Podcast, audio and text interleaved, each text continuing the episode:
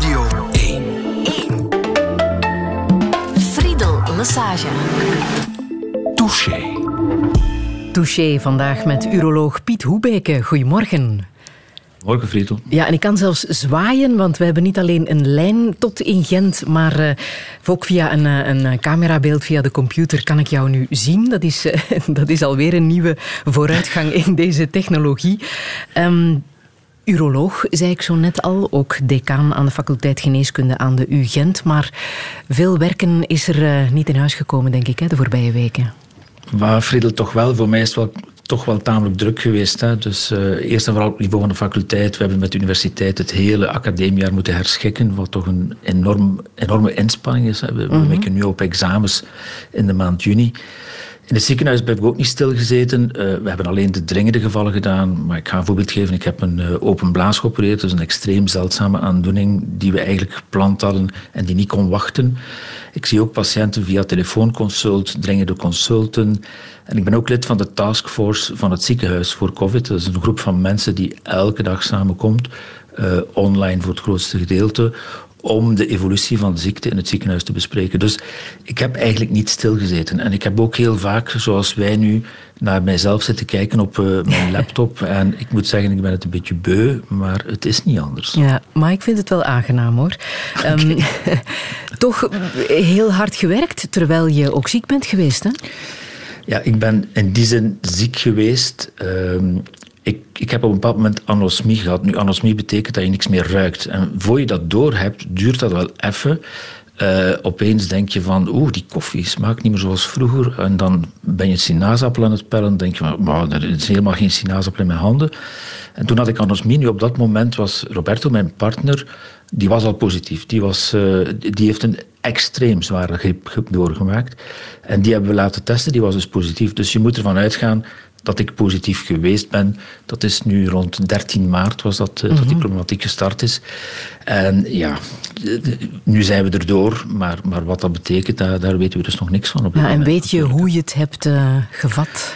Ja, eigenlijk is dat misschien toch wel een verhaal om even te vertellen. Ik was, ik was uitgenodigd in Sydney voor een congres, dus ik was helemaal naar de andere kant van de wereld gevlogen. Stel je voor, een paar dagen op voorhand, ik kom toe in Sydney en dan zeg je, ja, het congres gaat niet door omwille van corona. Ik ben dan hals over kop teruggevlogen, want ik dacht, ja, straks gaan de luchthavens toe en dan zit ik daar in Australië. En ik kwam op een zondagochtend terug in Zaventem.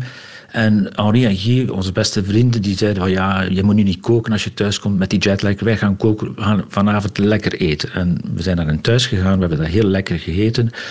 Er stonden voor de grap nog coronapilletjes op tafel, stel je voor. Het was nog de tijd dat we nog grapjes over maakten. Mm -hmm. Maar dan de week erop, dus de woensdag, werd Roberto ziek. En toen, als we dan terugtracen, want dat is misschien iets wat wel aan de orde is vandaag de dag. Ja. Henri en Guy waren de, de zaterdagavond bij vrienden gaan eten, waarvan twee mensen die daar aanwezig waren ook positief getest zijn. Dus dat is hoe zo'n ding gaat. Hè. Dat gaat gewoon asymptomatisch. Je weet van ja. niets en opeens heb je het mee ja. naar huis. En dat verandert nu ook niet. Hè. Het kan nog altijd zo snel gaan. Ook al leven we nu in quarantaine en worden de maatregelen een beetje versoepeld. Nog ja. kan het altijd zo, uh, zo snel gaan. Hè. Ja, zo'n virus, je ziet dat niet. Hè, maar we weten heel goed dat heel veel virussen blijven gewoon voor altijd. Hè. Mazelen, hepatitis, uh, HIV, herpes, uh, noem ze maar op. Nu, de meeste van die virussen hebben mensen een, een relatie mee ontwikkeld die leefbaar is, vooral door vaccinatie. Mm -hmm. Maar met deze nieuwkomer weten we het nog niet. Hè. Het is een uh, ja, new kid in the block. Ja. We'll see what it will do. Jij ziet er goed uit, maar hoe gaat het ondertussen met Roberto? Het gaat goed met hem. Uh, het is heel eigenaardig dat hij toch nog wel wat uh, klaagt van vermoeidheid en spierpijn. Uh, nu is echt heel, wel, heel zwaar ziek geweest. Op een bepaald moment ben ik met hem naar spoedopname gegaan. En toen kwam het bericht dat zijn EKG, zijn hartfunctie gestoord was. Of de, de hartfilmpje. Toen dacht ik van, my god, straks ligt hij op intensieve zorgen. Nu, dat is allemaal goed meegevallen. Is dan terug naar huis gekomen. Is dan heel, ja, gewoon een, een bijzonder zware griep. Die heel lang in je lijf blijft zitten. Spierpijn, hoofdpijn, je noemt het maar. Maar vandaag gaat het goed met hem. Ja, en jullie hebben even gescheiden van tafel en bed geleefd? Ja, toch twee, tweetal weken, tot wanneer die anosmie bij mij dan heel duidelijk werd. Dan hebben we gezegd, oké, okay, dan geven we het toch maar op. Hè, want uh, ja, je kan elkaar dan wellicht niet meer besmetten, maar ook dat weten we niet, hè, welke mate dat je dan uh, het bij elkaar onderhoudt. Maar goed, dat was dan toch een keuze voor, voor het leefbaar te houden, denk ik. Ja, en tussen al deze zaken door ben jij ook nog eens bezig geweest met het uh, lanceren van jouw nieuwste boek. Uh, Ook dat kan in quarantaine, ook dat kan in coronatijden. Um, een uh, zeer interessant boek, Gender in de Blender. Een boek voor iedereen die leeft in de wereld tussen man en vrouw. Daar gaan we het straks uh, uitgebreid over hebben. Eén zinnetje wil ik er al uithalen, want daarin omschrijf jij jezelf. Een biologische man met een mannelijke genderidentiteit en een mannelijke genderexpressie. Je weet, in Touché vraag ik altijd om jezelf te omschrijven. Dit is jouw omschrijving? Dit is in het verhaal van wat ik de genderblender noem. Dat is een soort mengpaneeltje wat iedereen heeft, waarin je seksuele identiteit eigenlijk gedetermineerd wordt door een aantal kenmerken. Ja, dat ben ik. Je hebt dus, ik zal meteen de kenmerken noemen. Je hebt dus het biologisch geslacht, zoals je geboren wordt, man, vrouw of iets daartussen. Uh, genderidentiteit is het hele diepe aanvoelen van jezelf als zijnde man-vrouw of zijnde niet-man-vrouw.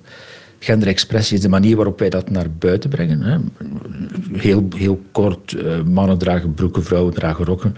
Ik heb daar wel wat, heel wat opmerkingen op. Maar dat is een vorm van genderexpressie. En dan heb je nog seksuele voorkeur. Dat is dan de, de vierde schuifknop op het mengpaneel. Sommige mensen zijn, of de meeste mensen zijn heteroseksueel. Het heteronormatieve noemen we dat dan. Maar heel wat mensen zijn homoseksueel. Heel wat mensen zitten tussen, in dat tussenveld.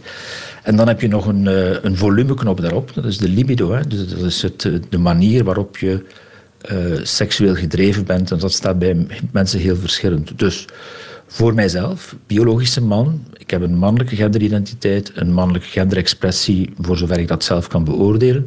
Ik val op mannen.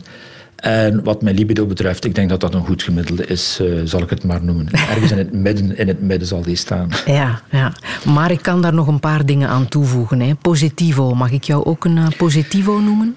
Ja, uh, ik zeg altijd optimism is a moral duty. Van wie dat nu komt, van Kant of van, van andere filosofen. Maar het is, het is wel iets, je, je moet in dit leven, waar toch heel veel tegenslag om de hoek ligt, moet je positief proberen ingesteld zijn.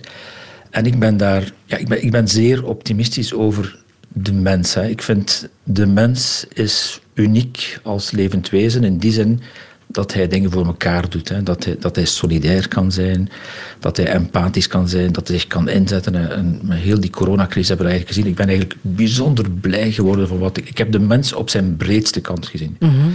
Hier en daar heb ik de mens op zijn smalste kant gezien, maar dat ben ik nu al lang vergeten. Er zijn wel af en toe van die dingetjes dat ik denk van, oh god, moet dit nu? Maar ik ben inderdaad positief. Maar ook een reaal, zullen we reaal positief noemen, je moet natuurlijk de realiteit nog altijd. Je, moet, je moet niet eindeloos en blind optimistisch zijn. Je moet gewoon realistisch optimistisch zijn. Mm-hmm. We hebben stof genoeg om over te praten de volgende twee uur. Piet Hoebeke, welkom in Touché.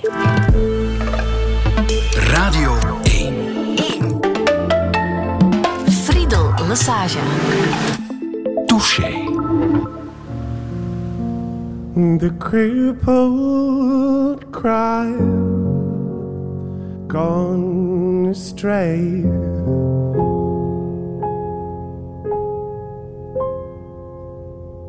In the park or on the lawn, my Lord, my love,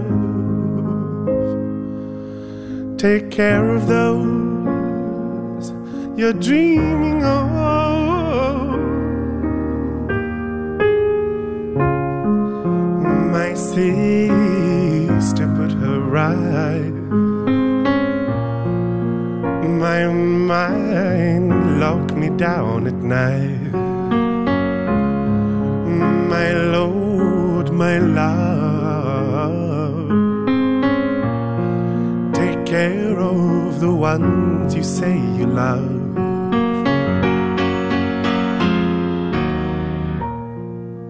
When we were children in the hay.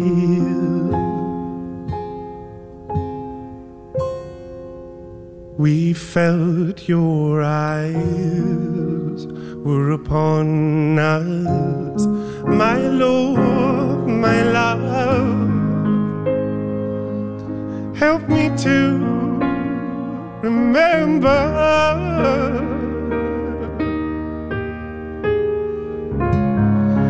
My sister put her right.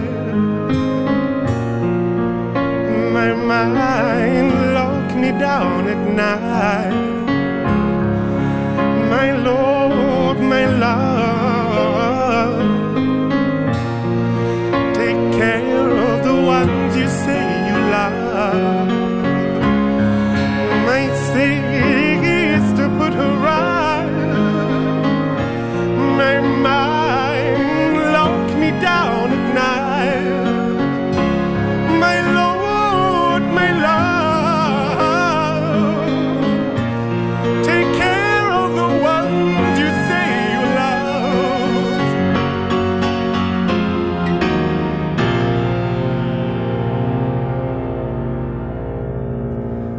Today, I'm a Boy van Anthony en de Johnsons. Toen hij nog Anthony heette, tegenwoordig is dat Anoni. En Johnsons is trouwens een eerbetoon aan de transgenderrechtenactiviste Marsha Johnson. Piet Hoebeke, ik zag jou van hieruit door jouw raam wat dromerig in Gent naar Ja. buiten kijken. Het is een, eh, een artiest die eh, heel veel betekenis heeft voor jou. Hè? Ja, ik volg ehm, hun, moet ik eigenlijk zeggen, want we moeten niet hij of haar zeggen, hun. Nee. Ik volg hun sinds het begin. Ehm, ik denk dat in het begin Anthony, ehm, als ik dan toch over die. Ja, het is een biologische man met een eh, genderidentiteit die niet mannelijk is, maar ook niet 100% vrouwelijk was, zeker in het begin niet. Een genderexpressie die zeker niet mannelijk en ook niet vrouwelijk was, was er ook zo'n beetje middenin. Ehm, homoseksuele man die dan en cours de route toch die genderidentiteit meer heeft zien opschuiven naar de vrouwenkant. Ook zijn genderexpressie is meer naar vrouw gegaan. Ehm, waar- waarmee ik eigenlijk een, een ondersteuning geef aan het statement in mijn boek dat de seksuele identiteit van een individu die is zo uniek als een vingerafdruk, maar die is wel anders dan een vingerafdruk, want een vingerafdruk verandert niet meer in je leven. Die blijft van je geboorte tot aan je overlijden gelijk. Maar je seksuele identiteit die kan wel veranderen. En dat is Anthony een, een, een mooi voorbeeld van. En in zijn muziek, of in hun muziek, laat het mij toch correct zeggen, in hun muziek ehm, geeft ze toch wel heel veel de emotie weer van dat dat niet simpel is om, om, om daarmee om te gaan. Dat, dat overkomt jou en dat is gewoon niet simpel om daarmee om te gaan. In jouw boek, en dat heet Gender in de Blender, ehm, leg je inderdaad die complexiteit van onze seksuele identiteit uit. Omdat de mens veel meer is dan man of vrouw alleen. En daar zit ontzettend veel tussen tot 20 procent. Je probeert cijfers te geven, maar dat is niet zo makkelijk eh, te benoemen, net omdat het wereldwijd ook anders wordt ervaren. Hè? Ja, Friedel, we weten het niet, maar je moet, je moet eens gaan kijken. De studies, ik heb voor dit boek enorm veel research gedaan. Dus nu, in tegenstelling mijn vorig boek, daar had ik de parate kennis bij. Maar voor dit boek heb ik veel research gedaan. De studies die men gedaan heeft, zijn vooral bij adolescenten gedaan. En adolescenten, daar komen we in sommige studies tot 20% die niet in dat vakje man-vrouw willen zitten. Natuurlijk bij een populatie van eh 60, 70, 80-jarigen krijg je dat niet meer eruit. Die mensen zijn door de nurture, door de maatschappelijke druk geworden wie ze zijn en zullen nu ook niet meer veranderen. Dus de echte seksuele identiteit van individuen wordt door zoveel bepaald dat we dat inderdaad niet kunnen meten. Maar dat verhaal van die adolescenten, en ik zie dat natuurlijk ook in mijn eigen kliniek. Ik, zie vooral adolescenten in, de kliniek, ja, daar zitten er toch wel wat zitten erbij die daar klaar mee zijn dat ze niet echt man of niet echt vrouw, maar ergens in het middenveld willen spelen en, en daar ook heel gelukkig mee worden. En natuurlijk sociale media, die ook weer door deze bevolkingsgroep veel gebruikt worden, helpen daar enorm. Hè? Ja. Die helpen om die, die genderexpressie. Ik heb op Twitter een aantal volgers die zo ja, in dat spectrum zitten, die dan elke dag een fotootje posten van een, een opnieuw kunstig geschminkt oog. Ja, ik vind het fantastisch. Laat Ja. die mensen toch maar doen. Hè. Ja, maar niet in alle landen is het zo evident. Ik lees in jouw boek dat in Afghanistan natuurlijk vrouwen nog steeds als tweederangsburgers worden gezien. En dus als je met die genderfluiditeit te maken hebt, is het veel moeilijker om je ehm, ja, eh, op een juiste manier te tonen aan de wereld. Aan de andere kant, wist ik ook niet, in Suriname bijvoorbeeld, ehm, houden driekwart van de vrouwen er naast hun mannelijke partner nog een seksuele relatie met een vrouw op na. Dat is daar dan heel erg gewoon. Dus zo moeilijk is het eh, om te vatten wat er leeft tussen man en vrouw. Ja, het, het is bijzonder- boeiend om, om dat culturele aspect te gaan zien. Hè, want je, je, je hebt natuurlijk een aantal... Je hebt verschillende elementen. Hè. Je hebt ehm, het hele biologische, dat is dus en het DNA en de hormonen, die gaan van voor de geboorte op een individu inwerken en op dat mengpaneel de knopjes ergens gaan zetten. Hè. Nu, mijn idee is dat iedereen voor alles op een bepaald moment in het midden staat in zijn fetaal leven. En we zien dat heel goed wat betreft de biologie. Mannen en vrouwen zijn negen weken exact dezelfde foetus. Wij zien er compleet hetzelfde uit. En dan gaat heel dat proces van DNA met eiwitten, met hormonen, die, die zet die knoppen aan alle kanten. En dan word je, geboren, en afhankelijk van waar je geboren wordt, zal je met die identiteit al dan niet meer kunnen doen.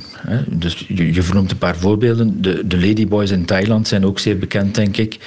Eh, niet alle katoi of ladyboys zijn transgender. Er zijn gewoon daar jongens die biologische mannen zijn, een vrouwelijke genderidentiteit hebben tussen de twee, tussen man en vrouw, een zeer vrouwelijke genderexpressie, vallen op mannen en een gewone libido hebben. Dus als een maatschappij dat toelaat, dan, dan, dan krijg je die expressie. Anderzijds zie je, Afghanistan is een bijzonder goed voorbeeld. Hè.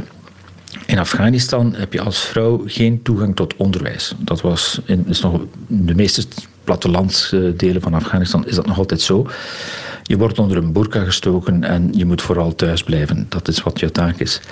Nu, toch wel wat families gaan hun dochter dan als jongen naar buiten brengen, dus een mannelijke genderexpressie, zodat ze onderwijs kunnen genieten. Dus die kinderen gaan dan gedurende tien jaar als man in het leven staan en vele van hen blijven gewoon ook in de mannelijke genderrol zitten. Of ze dan een mannelijke genderidentiteit gekregen hebben, ja, dat weten we dus niet. Hè. Maar daar is dus de, de economisch-culturele drang die eigenlijk die mensen in die richting duwt. En, en wat dat met hen doet, ja, we don't know.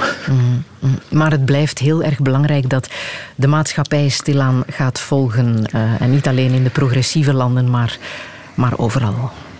Ja, ik, ik vind, ik, ik hoop het. Hè. Ik bedoel, dit is, wat is in godsnaam mis met een individu zichzelf te laten zijn, zolang dit niet in, in tegenspraak komt met de vrijheid van een ander individu? Hè. Dus dat is misschien wel belangrijk. Hè. Maar wat is daar nu in godsnaam mis mee om compleet jezelf te kunnen zijn? Ik heb geen probleem met eh, mannen in vrouwenkleding. Of ik heb geen probleem met eh, transseksuelen. Ik heb daar allemaal geen probleem mee. Nu, ik merk bijvoorbeeld gewoon het aankondigen dat ik een boek over gender in de blender schrijf. Had ik op Twitter toch wel wat eh, rare reacties waarvan ik dacht: oh my god, Ja? gaan we daarmee beginnen? Ja, Ja? Van, ja wij, wij doen niet aan anale seks en al die zaken. En daar gaat het dus vooral niet over. Hè. Maar, maar ja, ik voel, ik voel dat zelfs onze maatschappij Oké, onze maatschappij is duidelijk meer klaar, maar is ook niet helemaal klaar daarvoor. Ja. En op andere plekken in de wereld is het echt heel slecht. Ja, want je geeft het zelf ook aan in jouw boek. Hè. Evolutionair bijvoorbeeld is eh, homoseksualiteit zeer onproductief. Zo schrijf je het zelf neer. Ja. Wat is het nut van homoseksualiteit? Hoe komt het dat de natuurlijke selectie homo's er nog niet heeft uitgewist? Ja, eh, gelukkig wat mij betreft zijn die niet uitgewist. Eh, dit is gewoon een, een, een evenwicht wat de natuur zoekt. Hè. De, het evenwicht wat de natuur zoekt. En er zijn allerlei hypotheses over van de hoeveelste in een familie je geboren bent, hoeveel kans je dan hebt om homo te worden. Want dan heeft de natuur het zo geregeld dat je voor je broertjes en je zusjes kan zorgen. Daar gaat het mij eigenlijk allemaal niet over. Hè. Het is gewoon een kenmerk van de mens. Het is een menselijk kenmerk. Trouwens, een kenmerk van heel veel dieren. Hè. Er zijn meer dan 1500 dieren beschreven waarbij homoseksuele relaties ook voorkomen. Natuurlijk, relatie bij dieren is wel iets anders dan bij mensen, maar goed, het is wel beschreven. Dus het is iets wat in ons DNA geprogrammeerd zit en wat er niet uitgeprogrammeerd raakt omdat het zinvol is. Hè. Dus Darwin.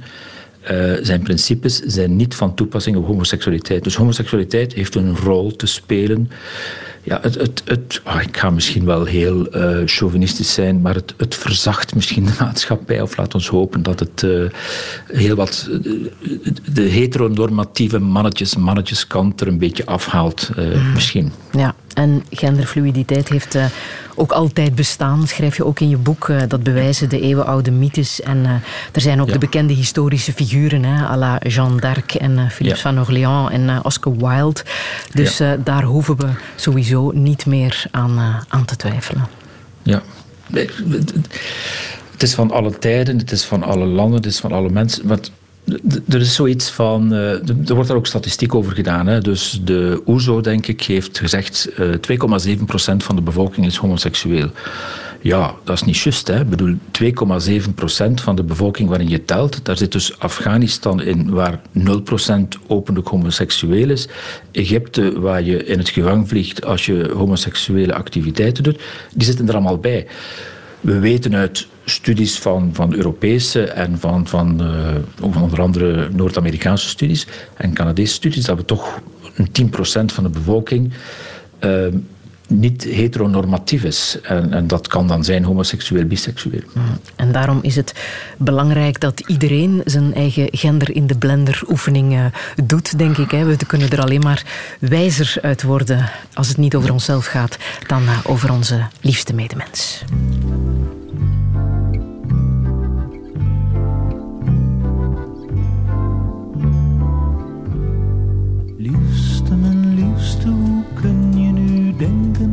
Dat ik niet eerlijk meer ben of ontrouw? Als ik mijn lichaam aan anderen wil schenken, zeg dat nog niet dat ik niet van je hou. Vanaf mijn jeugd heb ik altijd gevlinderd. Ik heb vaak mijn bed gedeeld, soms wel met drie. Zo is mijn leven, het heeft niemand gehinderd. Het ging om de liefde en niet om met wie. Elke verhouding kent tijden vol rozen, maar ook periodes die herfstachtig zijn. Dat wij elkaar destijds hebben gekozen, zegt niet dat we nu elkaar eigendom zijn. Vergeet de moraal van je moeder en vader. Het was goed bedoeld, maar het verrijkte je niet. Zie toch je hart als een heel grote ader die als je dat wilt plaats aan tientallen biedt.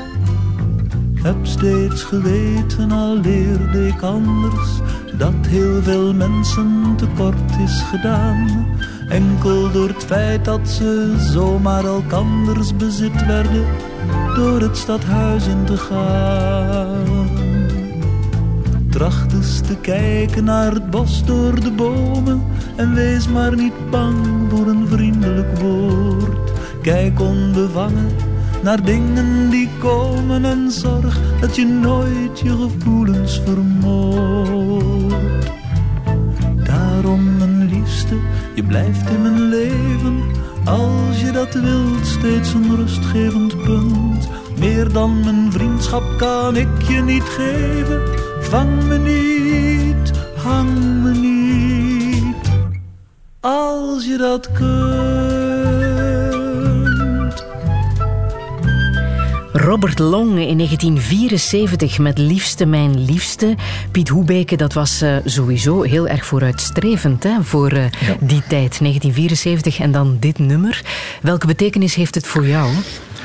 Ja, Friedel, ik denk, ik was 12 jaar. Ze draaiden dat nummer niet grijs op de radio. Nee. Het was zeer uitzonderlijk dat het erop kwam. Maar ik herinner mij dat ik het... Ik was misschien al 13 voor het eerst hoorde.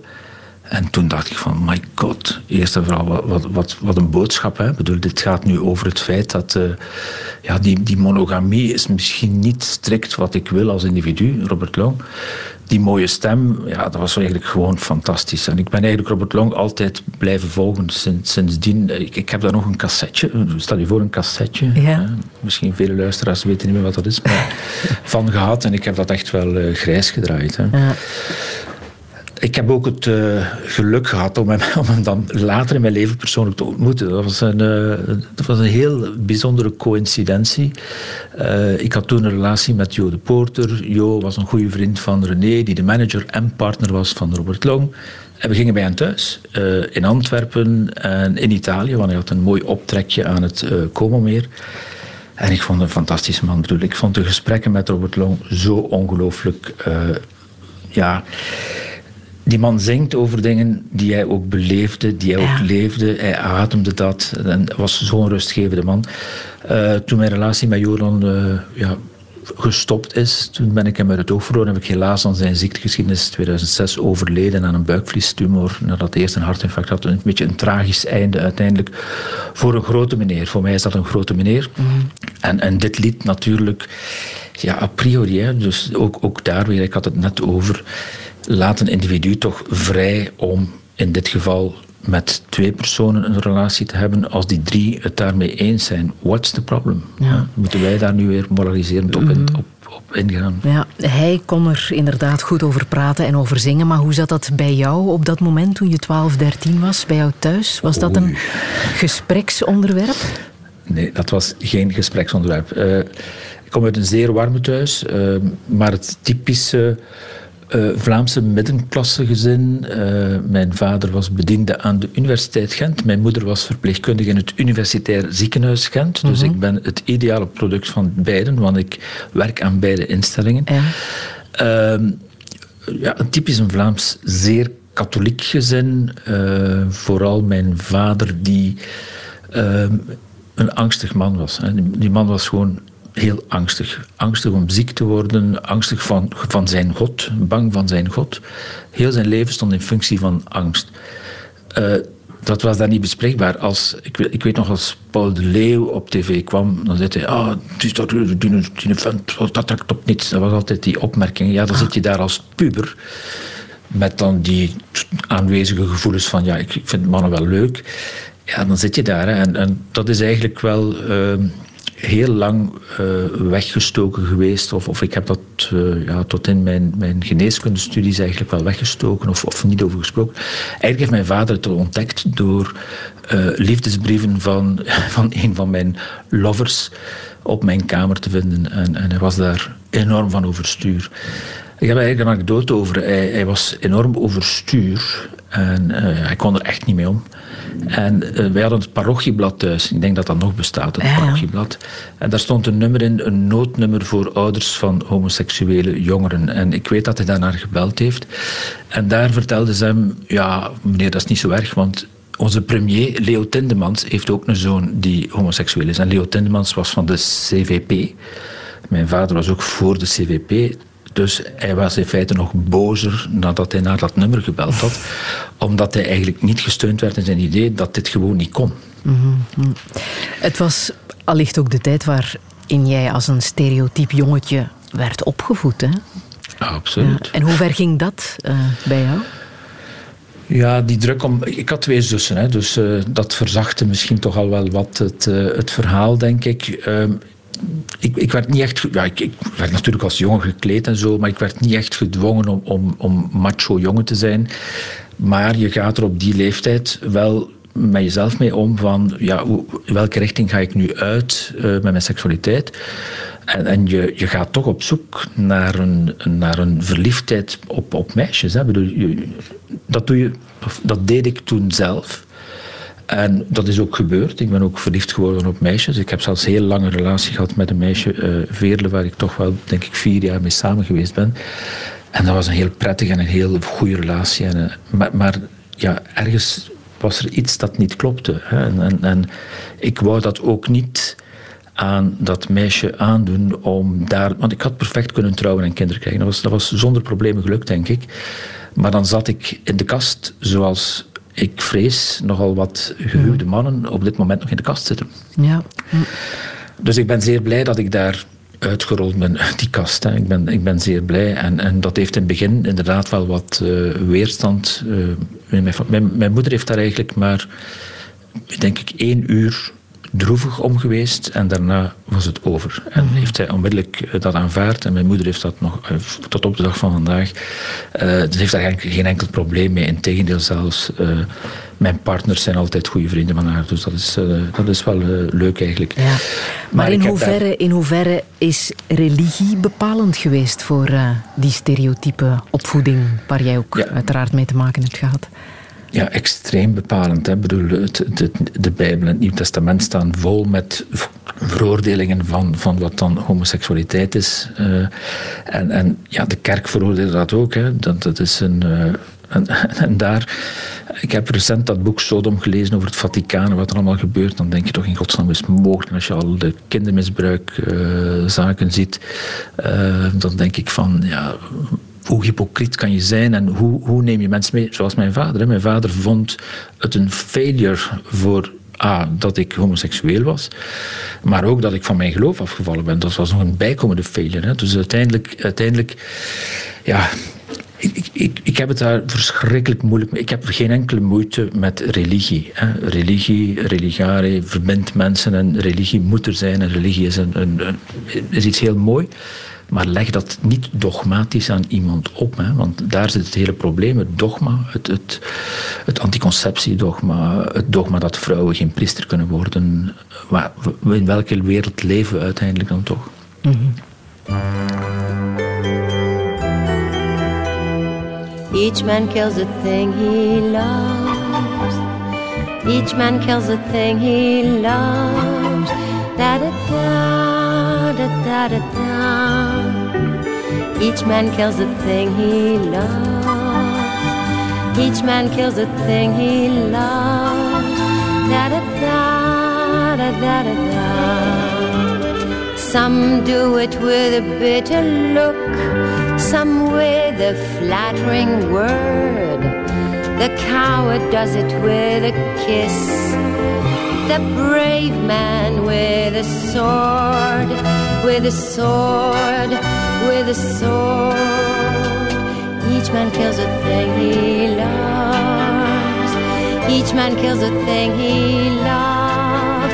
Da da da da da da da. Each man kills a thing he loves. Each man kills a thing he loves. Da da da da da da da. Some kill their love when they are young and some when they are old. Some strangle with the hands of lust, some with the hands of gold. The kindest use a knife because the dead so soon grow cold. Each man kills the thing he loves. Each man kills the thing he loves. Da da da. Da da da. Each man kills a thing he loves. Each man kills a thing he loves. Da da da da da da da. Some love too little, some too long. Some sell and others buy. Some do the deed with many tears, and some without a sigh. For each man kills the thing he loves, yet each man does not die. Each man kills the thing he loves. Each man kills the thing he loves. Da da da da da da da. Each man kills the thing he loves. Each man kills the thing he loves. Da.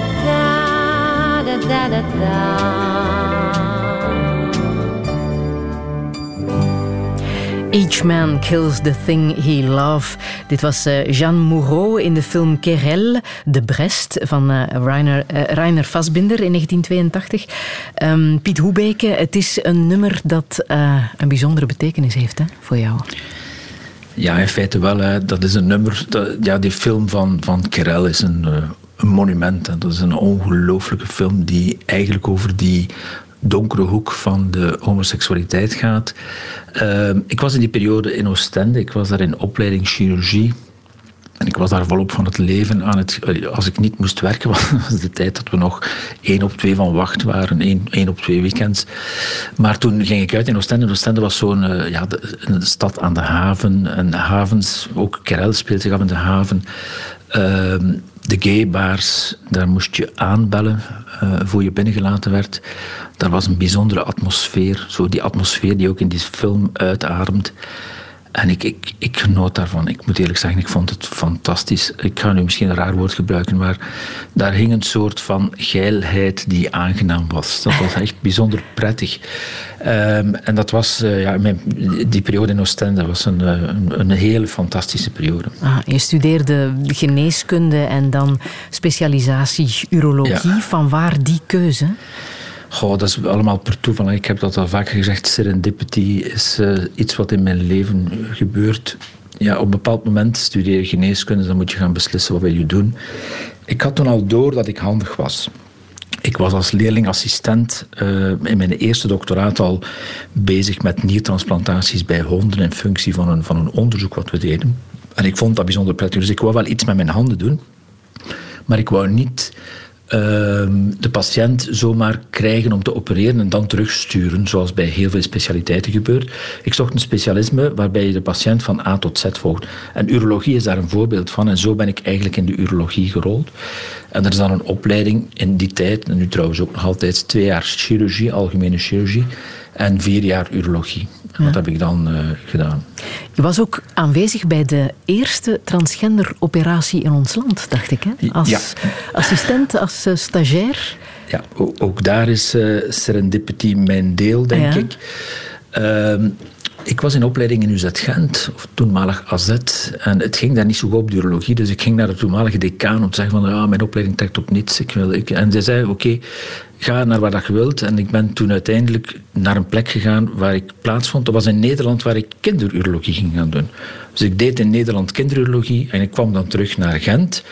En kinderurologie is heel veel reconstructie van de genitalia.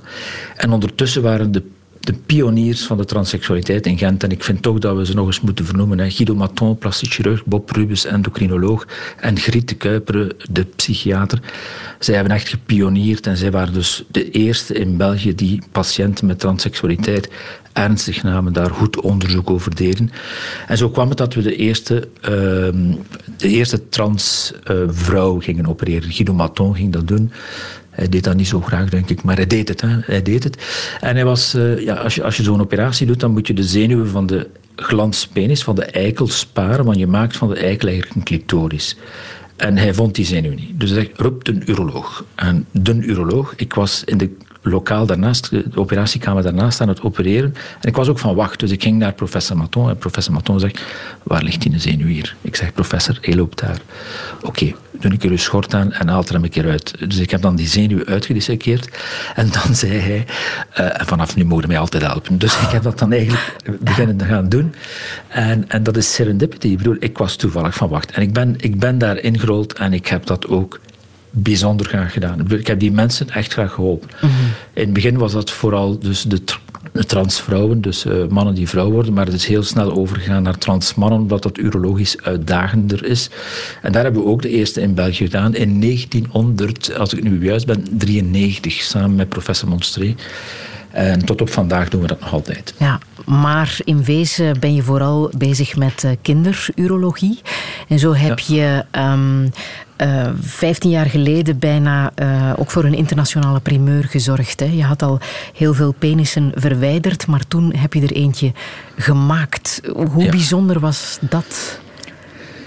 Wel, we zijn uh, als centrum, het grootste centrum in de wereld, die bij biologische mannen die hun penis om een of andere reden kwijt zijn of niet gekregen hebben bij de geboorte. Uh, wij doen die falloplastieken, zoals we noemen, bij deze mannen. En, en dat geeft een, een, ja, dat, dat is ook een ongelooflijk plezier om dat te doen. Hè. Ik bedoel, vroeger, als je een man zonder penis had die echt een man was, mannelijke genderidentiteit en zo, dan kon je hem niks bieden. Ik bedoel, mannen met een micropenis, een penis van 2, 3 centimeter, ja, kon je niks bieden. Nu kan je met de falloplastie iets bieden.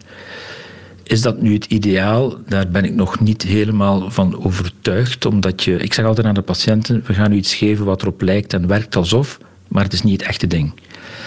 En voor het echte ding zou je al moeten gaan denken aan transplantatie, hè, transplantatie van penissen. Nu, daar zijn wel een paar experimenten over. En misschien toch wel kort even vertellen, want het is toch niet zo simpel. Hè? Dus China heeft als eerste een penis getransplanteerd. Maar dat is, na twee weken was dat al fout. Uh, die, die, het staat in de publicatie in, in, een heel groot tijdschrift dat de echtgenote kon eigenlijk niet met de gedachte leven dat die penis, de nieuwe penis van haar man, al in andere vrouwen geweest was. Nu, ik denk dat veel mensen die vraag zich moeten stellen.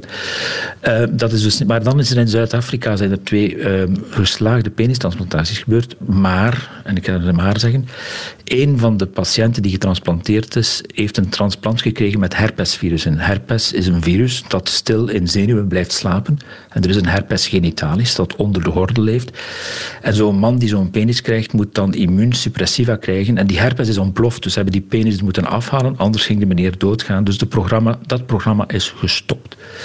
Dus voorlopig denk ik dat we voor die echte sukkelaars, want uh, ja, een man die bij besnijdenis zijn penis verliest, dat is, geen, dat is echt geen pretje. Voorlopig moeten wij die mensen helpen met een falloplastie. En ik moet u zeggen, de transmannen die wij behandelen, zijn daar ook tevreden mee. Hè. Die hebben daar een goed leven mee, goed seksleven. Die kunnen eigenlijk uh, functioneren zoals, zoals een andere man. Mm. Um, heb jij, als je nu terugkijkt op je carrière, al operaties gedaan die je nu niet meer zou uitvoeren? Ja, dat, dat is een hele hot topic. Hè. Dus uh, ik wil het hebben over kinderen met intersexen. Dat zijn kinderen die geboren worden met geslachtskenmerken van beide geslachten, zowel mhm. mannelijk als vrouwelijk. En als dokters, als ik in Utrecht was, Utrecht was een, goed, een groot centrum daarvoor. Wij wilden heel snel dat kind in een vakje duwen. Hè. Man, vrouw, dat moest heel snel gaan. Dus die beslissing werd genomen binnen de eerste weken van het leven. En we opereerden die kinderen onmiddellijk de eerste week van het leven. Dus een meisje met een piemel, dan zeiden wij: oké, het is een meisje, de piemel eraf. Uh, we, bewaren de eikeltje als clitoris. En we zullen de vagina openmaken en het komt in orde. Dat is ons door patiënten die nu ouder zijn, toch wel wat kwalijk genomen. Omdat veel mensen vinden dat wij daar beslist hebben voor hen, terwijl zij daar misschien zelf wel wat wilden over zeggen. Mm. En ik heb daar eigenlijk toch een anekdote over. Ik was recent, want er is heel veel te doen rond die problematiek. Hè. Ik had recent een meisje bij mij, 21 jaar, en zij was geopereerd als kind. En ik vroeg haar: Zou je nu eigenlijk blij geweest zijn, moesten we gewacht hebben tot wanneer jij zelf kon beslissen? En ze zei: Ja, eigenlijk zou ik dat heel fijn gevonden hebben. Maar ik kan me niet voorstellen hoe ik als meisje met een piemel naar de kleuterklas zou kunnen gaan zijn zonder dat ik uitgelachen word of zonder dat ik problemen zou krijgen. Dus de maatschappelijke, ja, ik zal het toch maar intolerantie tegenover de variatie, mhm. creëert mensen of, of zorgt ervoor dat mensen ja, zelfs hun eigen vrijheid om te kiezen opofferen uiteindelijk. Mhm. En daarom, die ingrepen doe ik nu niet meer zo vroeg in het leven. Dus daar ben ik mee, ik heb, daar, heb ik daar spijt van. Toen wisten we van niet, wisten we van niet beter. Uh, we dachten dat het juist was wat we deden. Er waren ook wel rapporten in de literatuur die toonden dat de outcome goed was. Maar nu ben ik veel meer terughoudend en, en opereer ik vaker adolescentenmeisjes of jongens met die problemen. En dat is een hele bevrijding om met die jongeren zelf te praten over wat ze willen. En ook daar een heel kort anekdote. Ik had een meisje die een uh, probleem had waardoor ze een grote clitoris had en een niet toegankelijke vagina. En dan doe je een operatie waarbij je de vagina openmaakt en de clitoris verkleint. En ze zei mij van ja, ik wil wel dat je mijn vagina openmaakt, maar van mijn clitoris moet je afblijven. Dus wie zouden wij zijn om te beslissen wat de norm is over de grootte van een clitoris? Wij ah. kunnen dat niet beslissen. Het is de patiënt die daar zelf moet over beslissen, denk ik. Hm. Ehm, je hebt ook uh, een tijd geleden beslist om geen operaties meer uit te voeren. Hè? Dat is een ander verhaal. Dat is, ik ben een tijdje gestopt met transgender patiënten te opereren. Ik, eh, ik was met uh, Roberto en met onze beste vrienden Henri en Guy waren we in Israël. En ik kon niet slapen kon niet slapen. Ik was op vakantie, ik zat in Beersheba, de mooiste plek in Israël met een fantastisch zicht. En ik kon niet slapen. En door gesprekken met Henri, Guy en met eh, Roberto kwam ik eigenlijk achter dat ik met een enorme rugzak op mijn rug liep, vol met complicaties van patiënten. Want de chirurgie die wij deden bij, of doen bij transgender, één op twee patiënten heeft majeure complicaties sowieso.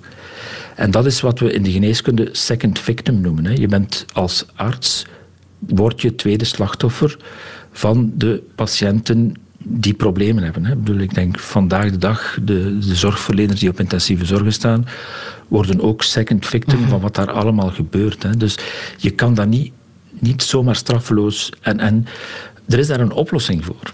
Praten, hè. intervisie. Je moet met je collega's over die dingen praten. Hè. We hebben nu morbidity en mortality strafs. Dat we zeggen, als wij een probleem hebben, we hebben ziekte veroorzaakt of de dood veroorzaakt van een patiënt, dan gaan we in een stafvergadering samen zitten en bespreken we wat is daar gebeurd, waarom is dat gebeurd, kunnen we dat voorkomen, hadden we het kunnen voorkomen. En dat helpt. Dus intervisie helpt. Ja. Maar ik, ben toen, ik heb toen in, in Beersheba mijn laptop genomen. Ik heb naar mijn uh, afgevaardigde bestuurder de toenmalige decaan geschreven. Ik stop ermee. Ik doe dat niet meer. Ik ben ook een, jaar of drie echt gestopt met, uh, met transgenders te opereren. Maar het is teruggekomen. Ik zag die mensen bij mij komen en die vragen: Oh, wilt je mij alstublieft opereren? Dan dacht ik: I go for it. En, en nu, door er inderdaad ook over te praten, door het niet meer allemaal in die rugzak te stoppen, gaat het wel weer beter. Ja, het maar het klinkt lastig. als een, uh, als een onderschatte problematiek. Dat je als arts ook echt slachtoffer kan zijn van wat er in een operatiezaal zoal kan gebeuren. Fredel, dat is een extreem onderschatte problematiek. Hè. Bedoel, je moet je maar voorstellen dat je dag in dag uit. Ja, wij hebben failures. Hè. Wij, wij, wij, zijn niet, wij zijn geen goden. Elk, elke interventie die wij doen heeft een percentage complicaties. Dat percentage staat voor ons, als het 10% is, voor 10%, maar voor de 10% patiënten is het 100%. En, en die mensen zie je ook. Hè. Je ziet die problemen eigenlijk. Hè. En dat is een enorm onderschatte problematiek, denk ik. Ik denk dat we daar... En we zijn daar goed mee bezig. De Orde der Artsen heeft de Arts in Nood opgericht, waar men toch een, een tamelijk laagdrempelig gesprek kan hebben. En, en, stap voor stap zijn we die zaken aan het oplossen. Maar ik denk dat we dat uh, zeker niet mogen verwaarlozen. Hè. Ook voor, voor jongere dokters en zo. We moeten daar zeker goed voor zorgen.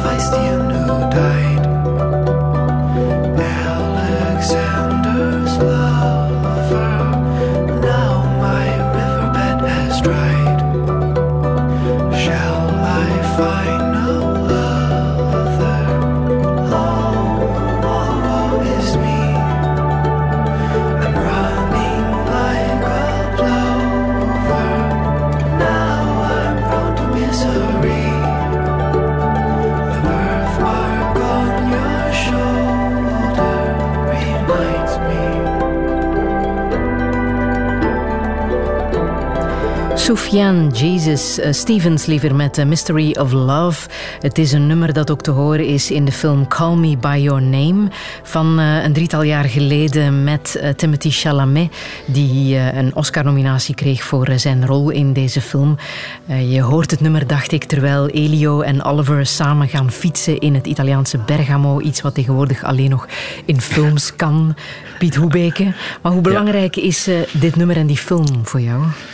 Goh, er zijn heel veel elementen aan, aan, dit verhaal. Ik vind het een zeer, echt een vrolijk nummer. Als ik het, als ik het opzet, word ik altijd inwendig heel vrolijk. En, en, en de beelden erbij. Ik had trouwens het boek eerst gelezen. Hè. Het was een bijzonder, een, een bijzonder boek, vind ik eigenlijk wel. Mm Het is natuurlijk fictie, maar het was wel goed. Maar zo'n boek ook, waarin op het einde die vader, die dan professor is aan de universiteit, ook aanvaardt dat zijn zoon dan homoseksueel is. Maar wat mij hier nog wel meest intrigeert in deze film, is die, die aantrekking van, van een oudere persoon naar een jongere persoon. Hè. Dus er is daar een enorme, of een enorme leeftijdsgap. Dus een, een, late teenager of een adolescent en een dertiger die daar toevallig komt studeren. En er ontstaat een enorme erotische spanning tussen die twee mensen. En ik, ik, ik vind dat wel super mooi. Aan de andere kant zit daar ook een. een want ik heb in mijn boek ook over. Uh, pedofilie gesproken, omdat dat natuurlijk ook een, een, een, seksuele identiteit is. En dat is een moeilijke. Hè? Dat is een moeilijke. Ik aanvaard absoluut dat er mensen zijn die in hun seksuele identiteit een aantrekking hebben tot kinderen. Maar ik kan ook niet aanvaarden dat ze daar dan iets mee doen, omdat dit voor een kind uh, nooit met, of nooit, bijna nooit met toestemming kan zijn. Hè. Er zijn daar de, de fameuze F'en, de fear, de freeze, kinderen die geconfronteerd worden met een seksuele agressor, die bevriezen, die freezen, uh, vrezen en lopen vaak niet weg en laten dat leidzaam ondergaan. En ik heb natuurlijk in mijn praktijk als kinderuroloog uh, ja, dat is een, frustratie van mij. Ik zie heel wat kinderen met uh, blaasfunctiestoornissen. Dat zijn kinderen met plasproblemen. En als we de literatuur screenen, dan moeten we toch zeggen dat bij een 5% van deze kinderen er seksueel uh, misbruik aan de, aan de grondslag ligt.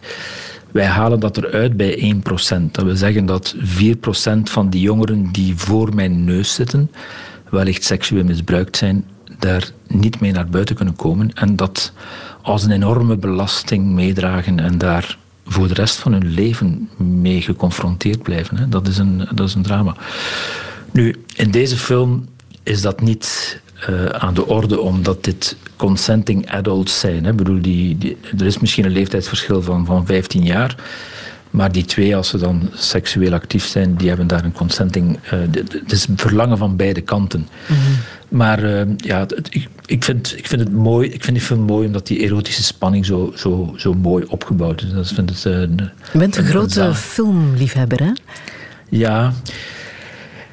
Zeker vast, maar ik raak niet heel vaak in de cinema. Dat is mijn probleem. Natuurlijk is er nu Netflix. Dat is een, uh, een zegen om, om Netflix te waar hebben. deze film trouwens op te zien is, Call ja, Me By Your Name. Film, ja. Absoluut, waar hij te zien is. En, en waar fantastische series te zien zijn, denk ik. Ik weet uit goede bron dat jij je thuis laat omringen door uh, kunst. Dat is op dit moment uh, niet helemaal te zien in het beeld dat ik van jou heb. Maar het is wel zo, hè? Um, je laat je graag omringen door kunst. Maar ik en laat kunst... me graag omringen door, ja? door schoonheid. Hè. En, ja? en, kunst is een deel van de schoonheid uiteindelijk. Hè. En kunst dat ook in de richting van jouw beroep gaat.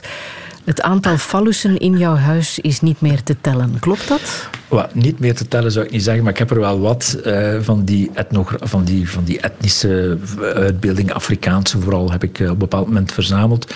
Uh, ik, vind, ik vind die wel mooi, maar ik ben geen fanatieke verzamelaar. Dat is een collega van mij die veel fanatieker verzamelt en er veel meer heeft.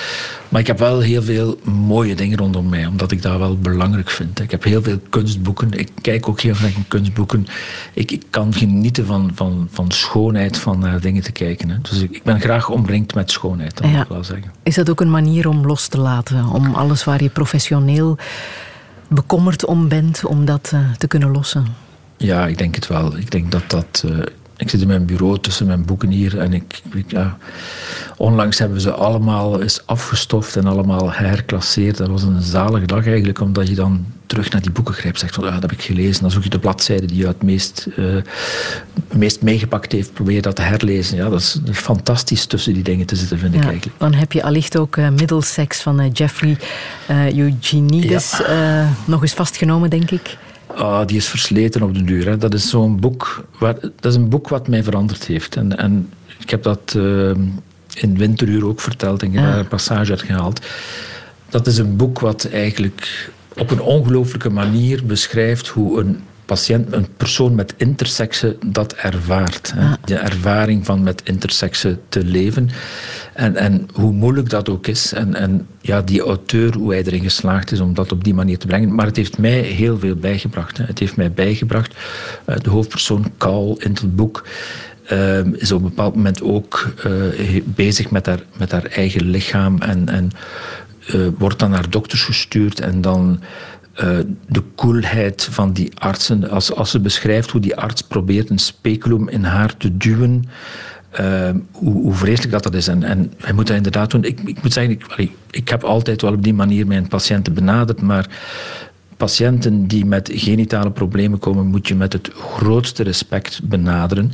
En vooral zorgen dat ze zich niet bedreigd voelen. Hè. Ik ga nooit meisjes, postadolescent, zelf onderzoeken. Ik laat dat door vrouwelijke collega's doen, omdat er geen enkele meerwaarde is dat ik dat doe en dat heel vaak bedreigend is.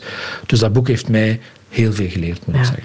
Ik heb nog heel even uh, muziek van Morton Feldman. Muziek die ook ja. te horen is, of was liever, in uh, de Rothko Chapel in Houston, Texas. Want die is nu even dicht voor uh, renovatie. In een paar woorden, waarom raakt jou dit zo? Goh, ik heb daar een live optreden van gezien uh, bij Axel Vervoort in Weinigem in het kanaal. En, en, daar staat ook een enorm mooi werk van Anish Kapoor. Dus we zijn diezelfde dag dat werk van Anish Kapoor, The Edge of the World, gaan bekijken. En dat was samen met Elsa Degenin, die de weduwe was van Mark Halle, die ik persoonlijk goed kende. En dat was een bijzondere vrouw.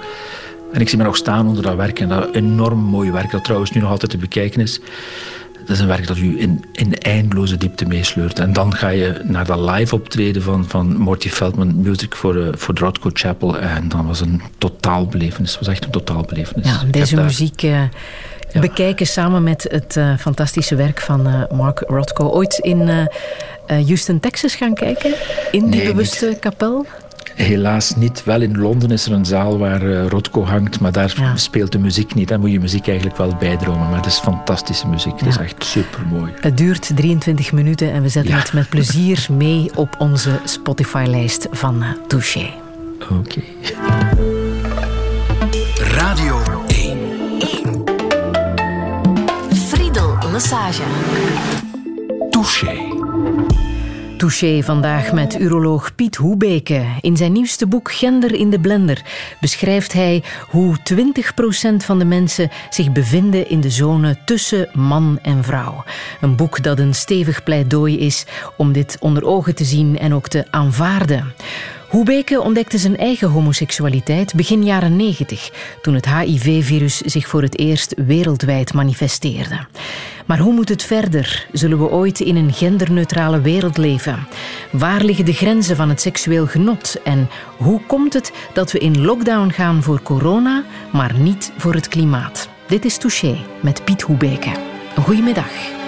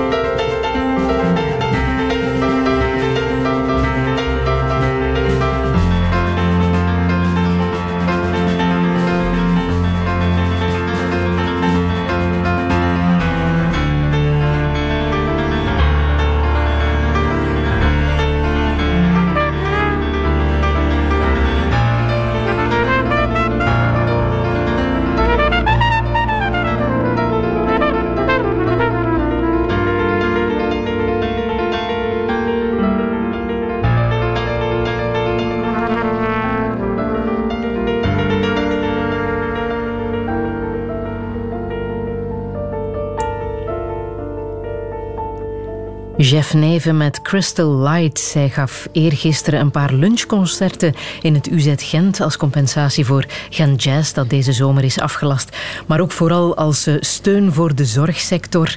Hij speelde uh, in hoogst eigen persoon aan de afdeling longziekte op intensieve zorg en op spoed. Piet Hoebeke, heb je de concerten gevolgd? Uh, van thuis ja, ik heb ze vanuit mijn kantoor in het ziekenhuis gevolgd. Ik heb Ah, ze ja. gestreamd, omdat natuurlijk die social distancing is toch belangrijk. En ze waren indrukwekkend. Bedoel, Ja? Jeff Neven is... eh, want Crystal Lights, dat heb ik gehoord op Gent Jazz. Dat is een liedje wat hij gemaakt heeft voor de aanslagen in Brussel. En op, het was bloedheet op Gent Jazz en dan speelde dat. En het, het, het kippenvel liep mij over al het vel wat ik had. Zo'n ongelooflijke diepte. En dat heeft hij nu ook gedaan eh, vorige vrijdag in, in het ziekenhuis. Dat was... eh, mensen stonden netjes op social distance te luisteren. Helemaal aan de grond genageld. Die muziek die gaat zo diep en is fantastisch, fantastisch. Plus de dankbaarheid die uitgesproken heeft voor het personeel. Dat was zo mooi. Echt Ah, waar. ah. Zal onze gezondheidszorg stand houden? Het was al een grote bekommernis van jou Ja. en daar verandert nu helemaal niets aan, in tegendeel zelfs. Wat denk jij? Zal onze gezondheidszorg stand houden? Ik denk eerst en vooral, onze gezondheidszorg heeft zichzelf bewezen. En dan gaat het over de ziekenhuizen. De ziekenhuizen hebben bewezen dat ze veer, veerkrachtig zijn, dat ze zich enorm kunnen aanpassen. Uh, vergeet niet dat wij, en dat is na de feiten wel makkelijk, continu een overcapaciteit hebben gehad van intensieve zorgbedden, dat die niet allemaal volgeraakt zijn. En waar dan discussies waren, moeten we daar nu Duitsers en Hollanders in leggen of niet? Discussies waar ik mij een beetje ongemakkelijk bij voel. Dus onze gezondheidszorg heeft het op dat gebied uitstekend gedaan. Onze woonzorgcentra hebben het helaas op dat gebied niet goed gedaan. Hè. Dat is uh, een, toch een groot probleem geweest. En ja, hoe je het ook draait of keert, de besparingen in de gezondheidszorg, en ik hoop dat dit nu toch wel uh, iets is wat doordringt bij iedereen. Dit is een, een, een, sector waar je niet moet gaan besparen. Hè. De besparingen in de woonzorgcentra waren zeer, zeer snijdend, denk ik. En dat heeft zichzelf nu ook getoond. Hè. Je pleit ook voor een reorganisatie. Wat kan volgens jou veel beter? Ja, Friedel, ik heb zoveel probleem met het feit dat wij allemaal dokters, zij aan zij, en verpleegkundigen en zorgkundigen, en dat daar dan zo enorm veel verschil op die lonen zit. Bij artsen gaat het van 100.000 bruto tot een miljoen voor mensen die hetzelfde doen. En dat is niet houdbaar. Hè? Dat is gewoon niet houdbaar. Dan hebben we onze jonge mensen, de mensen die we opleiden, hebben een statuut tussen twee acties sui generis. Dat wil zeggen dat zij behalve ziekteverlof geen enkel recht hebben. Hè? Dus dat is onwaarschijnlijk dat wij jonge collega's vast van de schoolbanken, die wij een opleiding gaan bieden, dat we die geen deftig statuut kunnen geven. Dus die hele financiering van de gezondheidszorg moet eens, moet eens herbekeken worden. Hè. Ook het feit dat we nu de mensen opleiden met honoraria. Dus, dus je moet je voorstellen dat je dus een opleiding geeft aan een jonge arts en dat je hem betaalt met de inkomsten van je honoraria. Dat is niet juist. Dit moeten componenten zijn die de pedagogische componenten vergoed. En men is daar stilaan mee bezig. Maar die hertekening van de gezondheidszorg, dat is echt tegen heilige huisjes stampen. Hè. Er zijn natuurlijk mensen die op dit moment in die hogere uh, inkomensklassen zitten en die zeer moeilijk kunnen loslaten. En ik heb ook altijd gezegd, wij moeten dat morgen niet doen, maar we moeten nu wel het plan hebben om over 25 jaar een goed verdeelde gezondheidszorg te hebben, waarbij verpleegkundigen bijvoorbeeld beter vergoed zijn. Want die mensen die staan wel aan de bedside. Hè? Die hebben uiteindelijk toch wel, je kan zeggen een goed loon, ja, maar dat is niet voldoende, denk ik, voor, voor wat zij doen. Dus daar durven over denken en daar is goed uh, een, een, nieuw model op. Dat, ja, dit huis is uitgewoond, maar het heeft wel getoond dat het veerkrachtig is. Dus dat moet ik wel zeggen, onze gezondheidszorg heeft zich aan haar goede kant getoond. Ja, en het zijn de wetenschappers die de voorbije weken en maanden de politiek hebben geadviseerd, die ons nu ook voorbereiden op die tweede golf, die er ja. allicht en, en zeker zal komen. Hoe heb jij dat gevolgd als wetenschapper, als uroloog, dat het de virologen zijn, de wetenschappers, die hier het grote woord uh, voeren en die wij als bevolking ook volgen? Ik vind het fantastisch. Ik bedoel, het hoort ook zo te zijn. En, en ik heb het er eigenlijk wel moeilijk mee dat dit dan nog politiek moet afgeklopt worden. Nu kan misschien iets vreselijk raar zeggen, maar eigenlijk zou men het land nu eventjes aan de wetenschappers moeten geven. Geef het land aan de experten en laat hen even, zodat alle lobbygroepen, alle politiekers die zich nu aan het positioneren zijn om zodra die crisis gelost is, dan te proberen dat ten gelde te maken. mevrouw Wilmes zal zeker een kogelvrij vest mogen aandoen, denk ik.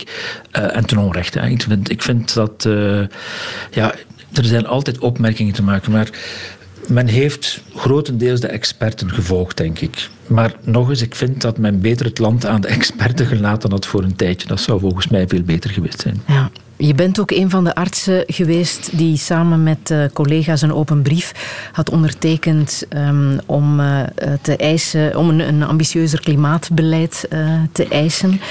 Um, als je die twee dingen nu met elkaar vergelijkt, Ehm, het, is, het is vreemd hè? dat uh, daar niet naar de wetenschappers wordt geluisterd, of toch veel minder, en ja. nu wel. Het is bijzonder vreemd. Climate change, men weet, alle modellen berekenen 250.000 doden extra per jaar. Corona, zeer erg, 200.000 doden op vandaag. En het zullen er misschien wel 400.000 worden, dus het is een ernstige aandoening. Maar climate change heeft dezelfde effecten alleen maar uitgespreid in de tijd. En vooral voor de mensen die na ons komen. Niet voor, voor, voor mijn generatie, alhoewel ik daar nu nog niet zo, niet zo zeker van ben. Maar er is ook een sterke link natuurlijk tussen climate change en corona. Ik, heb, uh, ik, ik, ben geabonneerd op de New York Times, een bijzonder goede krant eigenlijk. En daar hebben ze een animatie getoond van wat daar gebeurd is na het carnavalverlof. Dus dat was in Fort Lauderdale, uh, de, grote spring weekend noemt men dat in Amerika. En dan heeft men de verspreiding van het virus van daar in kaart gebracht. En door het feit dat iedereen op de goedkoopste manier overal naartoe kan vliegen, is dat virus gewoon helemaal rondgevlogen. Hè? Uh, hetzelfde hier. Het feit dat. Uh, en mensen mogen gaan skiën, maar het feit dat men aan skiën is in Italië, men heeft het virus van daar meegebracht. Men heeft het virus van de carnavalfeesten meegebracht. Uh, ik, ik vind dat Kijk, onze mobiliteit, het feit dat de, de wereld globaliseert is goed. En dat we dus dat we meer van elkaar weten. Maar het feit dat we nu continu van het ene uiterste naar het andere kunnen vliegen voor, voor peanuts. Ja, dat, dat is een niet houdbaar model, denk ik. Ik denk dat we daar een keer goed moeten over nadenken. En nu dat we in ons kot zitten, is het wel goed om even te zoeken naar alternatieven om je leven boeiend te maken. Ik moet mhm. zeggen, ik heb me in de zes weken dat ik hier uh, relatief in quarantaine en opgesloten nog geen seconde verveeld. Mhm. Er zijn zoveel dingen die je kan doen. Ja. En misschien moeten we daar, daarover denken. Nu, ik heb uh, deze week ook een brief getekend dat men bij het loslaten van de maatregelen, en dat is een brief die van uh, Bea Cantillon is gekomen van Antwerpen, uh, laat ons toch naar de kwetsbaren in deze maatschappij in eerste instantie kijken. Ik bedoel, eh, het loslaten van deze maatregelen moet vooral naar de, naar de echt kwetsbaren, daar moet even goed naar gekeken worden. Hè. Het onderwijs, degenen die nu geen afstandsonderwijs krijgen, die nu geen laptop hebben, die moeten we er eerst uitpikken, zodat we hen onderwijs kunnen geven. Dus ik pleit eigenlijk voor een humane manier van die maatregelen los te laten. Ja. En als ik even terugga naar die open brief die je hebt getekend voor een ja ambitieuzer klimaatbeleid. Daarin staat meer mensen zullen ziek worden door luchtvervuiling, extreme temperaturen en tropische ziektes. Dat staat daarin. Vreemd toch dat we nu in quarantaine gaan voor corona, maar voor klimaat lukt dat niet. Omdat het niet acuut is. Het is een, klimaat is een chronische ziekte. Alhoewel, je kan je zeggen, door de temperatuurstijging 2. We zitten nu met een extreme droogte. Hè. Ik hoop dat het deze week zal regenen, want het is extreem droog. Ik had eh, een, een, landbouwer met zijn zoon op consultatie. Hij zei, we kunnen niks planten. De kluitenaarden zijn gewoon niet open te rijden. Het gebeurt, maar het gebeurt niet op een schaal, of het gebeurt niet met de acuutheid van corona. Je kan hier geen beeldje tonen van een intensieve zorg in Italië waarvan je zegt, kijk, die mensen liggen niet beademd op hun buik omwille van climate change. Dat is niet het geval. Maar je kan wel heel veel op, op termijn, uh, ja, je gaat zien, hè, de, de, migratie die gaat komen omdat mensen op de plek waar ze leven, hè, dus uh, waar de springkanen nu gretig alle oogsten aan het opleven, opeten zijn, ja, daar gaat hongersnood ontstaan. Hongersnood gaat migratie geven, migratie. Dus climate is echt iets wat op lange termijn ons, onze planeet relatief aan het stuk maken is. Hè. En vanuit mijn optimisme en moral duty geloof ik wel in de veerkracht van de planeet en van de mens. En ja, ik heb ooit eens gezegd, eh, en, en, ik heb misschien spijt van mijn woorden, maar uh, klimaatverandering heeft ook te maken met overbevolking en de wereld zal zichzelf van zijn overbevolking ontdoen door een pandemie. Uh, dit zal nu wel zo geen vaart gaan, maar dat is wel een reële kans, hè, Friedel. Er is een reële kans. Dit is nu één virus, maar er zijn nog heel veel andere virussen die in reservoirs zitten, waar ook ter wereld, en die naar buiten kunnen komen. Zal de wereld er anders uitzien na corona? Ik hoop het, maar ik vrees van niet. Ik vrees dat men zo snel mogelijk naar business as usual zal gaan. Nu, als ik de prognosemodellen van John Hopkins zie. Nu, John Hopkins heeft een zeer goed uh, prognosemodel gemaakt. En, en zij, zij kunnen dus nu ook in België, en Niels Hens en zo, zijn ook mensen die toch wel heel goede prognoses maken. Maar John Hopkins heeft een prognose dat als er geen vaccin zou komen, dat we mogelijk tot 2024 met golven van corona kunnen te maken hebben. Dus dat wil zeggen dat we toch gaan moeten rekening houden dat wij de komende jaren misschien af en toe maatregelen gaan moeten terugnemen. Hè. Het gaan moeten terugschroeven en, en terug tijdelijk in quarantaine gaan. En we gaan dat moeten oplossen.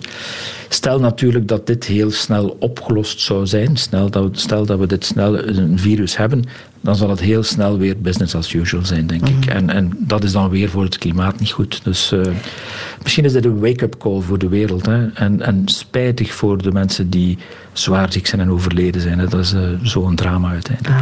Ah, hoop je dat mensen ook anders gaan omgaan met vertrouwen? Vertrouwen in de wetenschap, vertrouwen in de politiek? Dat daar beter uh, mee zal omgegaan worden? Vertrouwen in de wetenschap zonder enige twijfel. Vertrouwen in de politiek, daar heb ik het echt wel moeilijker mee. En ik heb respect voor de politici. Maar ik moet wel zeggen dat politiek is een afschuwelijke job, denk ik. Ik heb uh, het voorrecht gehad van Reginald Moreels als trainer, als opleider te hebben. Het is een voorbeeld van een man die door de politiek kapot gemaakt is. Hè. Politiek is een steel die mensen kapot maakt. En dat vind ik verschrikkelijk. Ik bedoel, de politiek zou eens moeten zorgen, beginnen met het nodige respect voor elkaar. Hè. Je kunt van idee veranderen, verschillen. Hè. Je kunt tegenspraak hebben over dingen, maar probeer altijd tot een consensus te komen. Wat er nu op Twitter gevloekt en gedaan wordt, het is een café. Afschuwelijk vind ik het eigenlijk. Mensen moeten opnieuw dat respect in de politiek binnen laten sluipen, denk ik. Dat, dat, is, echt een pleidooi wat ik hou. Politici, toon uw menselijke kant. En, en zit niet te denken aan uw kiezers en zit geen statements te maken waarmee dat je nog zoveel kiezers kunt bijwinnen. En, en zit niet Facebook-campagnes en allerlei campagnes te betalen met statements die alleen maar bedienen om uw eigen glorie. Denk aan alle mensen. Dat is mijn oproep.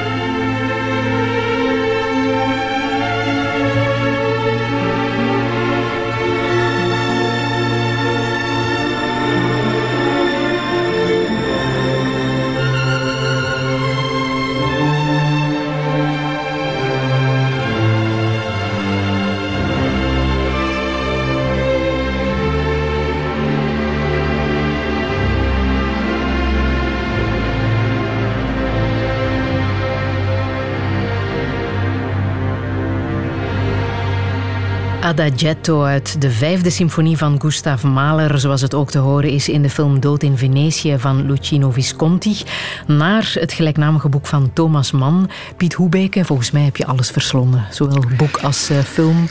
Ja, dat is een uh, absolute topper. Zo dat, dat, boek was fantastisch. Een heel dun boekje voor Thomas Mann. Ik ben nu bezig met Jozef en zijn broers. Dat is uh, 1200 mm -hmm. bladzijden. Ja, dat is een ja. superboek eigenlijk ook. Ja. Maar ja, in de film, ja, die rol van uh, Dirk Bogaert. En dat is eigenlijk ook wel een beetje toepasselijk op wat nu gebeurt. En dat was ook de pest in Venetië. En, en ik kom hier weer op dat die enorme erotische spanning door dat verlangen. Hè, dus het verlangen van, van, van de hoofdrolspeler, die eigenlijk Thomas Mann zelf is, naar Tazio, die die jongen is, uh, die jonge puber eigenlijk. Hoe dat erotisch verlangen daar in beeld gebracht wordt door Visconti is natuurlijk fantastisch. Uh, ik denk dat Thomas Mann, uh, als je zijn boeken leest, dan heb je, haal je dat er ook uit, dat hij inderdaad mogelijk wel die en ik ga het, ik ga het heel voorzichtig, maar toch pedofiele seksuele identiteit heeft. Hè. Ook mm. als hij in Jozef en zijn broers, als hij over Jozef schrijft, dan gaat dat zo met, met een esthetische beschouwing dat hij echt... Hij, hij bewondert het figuur dat hij zelf uh, creëert eigenlijk. Hè. Ja, welke verklaring heb jij als uroloog voor het verlangen van een oudere man naar een minderjarige jongen? Ik heb er niet direct een echte. Er bestaat ook geen echte wetenschappelijke verklaring voor. Hè. Dat is, dat is het, het seksueel verlangen. Hè. Ik heb daar in mijn boek ook wel over geschreven. Uh, mensen verlangen naar heel rare zaken. Hè. Dus ik zal maar eentje noemen. Acrotomofilie, dat is het uh, verlangen naar mensen met geamputeerde ledematen. Dat is dan hetgeen dat je seksueel aantrekt. Oké, als je zo'n partner vindt en dat matcht en die is oké, die is daarmee oké, dan is dat prima bij dat verlangen naar kinderen, waarbij men misschien wel op zoek, op zoek is naar die onschuld en, en een zekere uh, ja, schoonheid, on, on, on, onberoerd bijna. Waarschijnlijk zit dat erachter, maar ik heb het voor, voor 12 uur al gezegd. Ja, het blijft toch iets wat. Uh, ik aanvaard dat het bestaat, maar ik kan er niet mee weg dat men er dan ook iets mee doet, denk ik. -huh. Vind je het zelf een moeilijke combinatie om kinderuroloog te zijn en homoseksueel? Ik heb daar nooit problemen mee gehad. In die zin, ik, ik zie het kind ook als patiënt. En ik heb het horror, ik heb het jou gezegd, uh, ik heb jou net verteld. Als, als ik bedenk hoeveel kinderen we missen die toch slachtoffer zijn van seksueel misbruik, dan, dan, dan, dan heb ik eigenlijk een slapeloze nacht. Um, maar er is wel een, een iets keerzijde. Een van mijn opleiders, heeft me, Tom de Jong in, in Utrecht, heeft mij ooit gezegd van never ever ga alleen bij een kind in de kamer binnen of onderzoek een kind alleen. En ik heb dat in mijn hele carrière ook nog nooit gedaan. Want wat was er gebeurd bij mijn collega? Mijn collega is door een patiënt aangeklaagd als seksueel gemolesteerd door hem. En de enige manier waarop hij zich heeft kunnen verdedigen tegen het verhaal van dat kind uh, was doordat iedereen wist dat hij never ever een kind alleen zag. En je mag dat gerust vragen. Ik heb altijd of een ouder erbij, of als een kind alleen is, dan zal ik altijd een verpleegkundige bijvragen. Ik ga nooit alleen op een kamer van een kind. Um, dus in die zin heb ik daar ook geen, zie ik er ook geen probleem. Ja, maar gebeurt er dat patiënten naar jou komen met foute intenties? Uh, dat is gebeurd, dat is niet bij kinderen, maar er zijn wel wat adolescenten die wel eens uh, met foute intenties. Ja, bedoel, wat is dan foute intentie? Hè? Bedoel, dan, dan, dan is het voor mij snel over. Hè? Als, als een. Uh, ik, zal, ik herinner mij nog een situatie waarbij een patiënt zei: Ik wil wel eens een erectie voor jou doen. Dan denk ik van nee, jongen, ga maar naar mijn collega. Dat, dat, dat wil ik dus niet. Hè. Ik bedoel, mm -hmm. iets, iets in die zin. Dus, uh, maar dat gebeurt toch heel zelden. Of althans, misschien weet ik het niet, maar volgens mij gebeurt dat heel zeldzaam. Ga nooit een relatie aan met een patiënt, zeggen ze wel. Um, gaat dat ook ja. voor vriendschap bijvoorbeeld? Kan je vriendschappen sluiten met patiënten? Dat is een heel moeilijk. Ik heb zelf geen uh, patiënt die vriend geworden is. Ik heb wel vrienden die patiënt zijn geweest. Dat is wel iets wat er aan de hand is geweest. En ik heb daar eigenlijk niet moeilijk mee bij met, met vrienden te behandelen. Maar relaties aangaan met patiënten, dat zou ik... Ja, dat kan gebeuren, hè, Friedel. Het kan gebeuren dat je ooit iemand uh, voor een brandwonde behandeld hebt en dat je er later terug op, op valt en dat je tegenkomt. Dat kan. Maar door de praktijk zelf een relatie aangaan met een patiënt, dat lijkt me toch een beetje onkies. Tenzij, eens te meer, hè, als twee individuen iets willen, dan zie ik ook weer het probleem niet. Ik zal ook niemand veroordelen die dan een relatie aangaat met een patiënt, maar dan mag het niet vanuit een machtsverhouding zijn. Hè, want dat is, daar, daar, daar heb ik uh, het vreselijk lastig mee. Dat mensen vanuit een machtspositie, uh, door een hyperseksualiteit gedreven, dan bepaalde dingen verkrijgen op seksueel gebied. Dat, dat is uh, laakbaar. Wat is echte vriendschap volgens jou? Echte vriendschap is naar elkaar kijken en weten wat je eigenlijk weet, weten van elkaar, ja, ik weet het. Ik weet wat je zegt, ik weet wie je bent, ik weet, dat is voor mij echte vriendschap. En echte vriendschap is op één hand te tellen. Ik heb heel veel vrienden, maar echt diepe vriendschappen zijn echt op, op de handen van, op de vingers van één hand te tellen, denk ik. En dat zijn mensen daar je, waar ik altijd naartoe kan gaan, waar ik altijd naar kan bellen waar ik niet altijd een woord moet hebben om, om hen te begrijpen, waar ik hevige discussies mee kan hebben, zwaarste discussies soms. Maar ja, dat is voor mij echt vriendschap. Ja. Je hebt afscheid moeten nemen van een van jouw vrienden. Ja, dat is heel pijnlijk. Hè. Dus Dirk, Dirk Matthijs, ik krijg nog koude rillingen als ik er weer aan denk. Maar uh, ja, dat was de mooiste man die ik in mijn leven ontmoet heb. Mm -hmm. Kan je, kan je omschrijven waarom? Ja, hij was uh, voor mij, de, hij nam de rol van vader, de rol van de broer die ik niet gehad heb, de rol van de vriend, de rol van collega. Dus die man heeft al die rollen in zijn leven met mij gespeeld. Hè. En ik heb met hem eindeloos veel gepraat. We zijn samen naar Venetië gegaan, we zijn samen naar Kassel gegaan, we zijn samen naar New York gegaan. We hebben echt ongelooflijk veel tijd met elkaar doorgebracht. We hebben ook heel veel plezier gemaakt. We hebben samen gegeten. We hebben samen, dat was een ongelooflijke man. En ik mis hem elke dag. Ik bedoel, elke dag heb ik wel een vraag die ik aan Dirk zou willen stellen. Uh, maar ja, hij is er niet meer. Hij is op 5 januari overleden. En ja, goed, weg is weg. En ja, dat, dat is een heel pijnlijk litteken. Is dat zo? Weg is weg? Ja, voor mij wel. Uh, en voor hem ook. Ik heb met hem nog uh, voor de week voor zijn dood nog een, een gesprek gehad. Uh, in mijn duin aan zee, met, met zicht op de, op de zee. En, en wij hebben het er dan toch wel even over gehad van, ja, wat komt hierna? Ja, hierna komt er niks. Uh, wij, wij, komen uit het sterrenstof en we gaan terug naar het sterrenstof. En dat is, de, dat is voor mij, hè, want ik, ik wil nu ook mensen die geloven dat er een hiernamaals is, niet voor het hoofd stoten. Iedereen heeft het recht om voor zichzelf uit te maken wat hinein het leven ligt. En voor mij ligt hinein het leven niks. En daarom moeten we het leven zo maximaal mogelijk, zo zinvol mogelijk invullen, denk ik. Je bent al 15 jaar vrijmetselaar, hè? daar doe je ook niet ja. geheimzinnig over. Wat betekent dat lidmaatschap voor jou? Ja, ik denk dat we daar eens. Uh, kijk voor mij was dat een heel belangrijk moment geweest in 2004, toen ik vrijmetselaar geworden ben, omdat je daar, je krijgt een methode aangereikt waarmee je jezelf beter leert kennen. Als, we, als mij, nu, mij nu vraagt, wat is de essentie van vrijmetselarij? Het is een methode om in het leven jezelf beter te leren kennen. We zijn in, Bel in België met 20.000 vrijmetselaars, dat is 0,2% van de bevolking. Wij gaan de wereld niet veranderen. Wat men er ook van denkt, welke sprookjes men ook vertelt, welke verhalen men ook vertelt. De vrijmetselaars beïnvloeden de politiek niet. Die doen dat niet. Dit is een oefening op zichzelf. En dus een oefening voor zichzelf. En men gebruikt in de vrijmetselarij daar een, een mooie symboliek voor. Uh, men, men, kapt aan zijn ruwe steen. Hè. Men is een ruwe steen. En men probeert daar een perfecte kubus van te maken. En dat lukt nooit. Niemand zal ooit een perfecte kubus zijn. En de methode bestaat erin dat je via symbolen, en symbolen zijn de zaken die je kan observeren, die je in je geest kan nemen en die je kan gebruiken om een geestesoefening te maken, kan je zo stuk voor stuk jezelf leren kennen. Voor mij is dat de kern van de vrijmetselarij. Toch hangt daar zo'n geheimzinnige sfeer rond, hè? nog altijd. Is dat ja. gezond? Nee, dat doen we zelf. Hè. Dat doen de vrijmetselaars zelf. Hè. Ze mm. blijven dat geheim houden. En, en ja, zo gaan we de wereld niet veranderen. Want de ultieme droom van de vrijmetselaren is om elk aan zichzelf te werken en zo het bouwwerk van de wereld goed te maken eigenlijk. Hè. Maar door geheimzinnig te doen, gaan we dat niet oplossen. Nu, ik heb niet de ambitie om de vrijmetselarij te veranderen. Ik ben daar heel tevreden tussen uh, wat we dan mijn broeders noemen. Want ook daar zit iets heel controversieel voor mij. Ik zit in een, een uh, wat men noemt een mannenwerkplaats. Dus dat wil zeggen dat we ja. daar alleen met mannen samenkomen.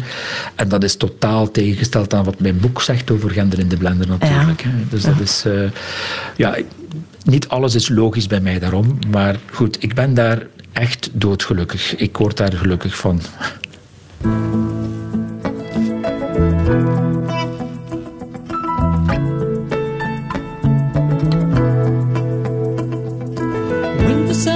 Crying like the old man slowly dying, and the only sound the wind that fills the trees.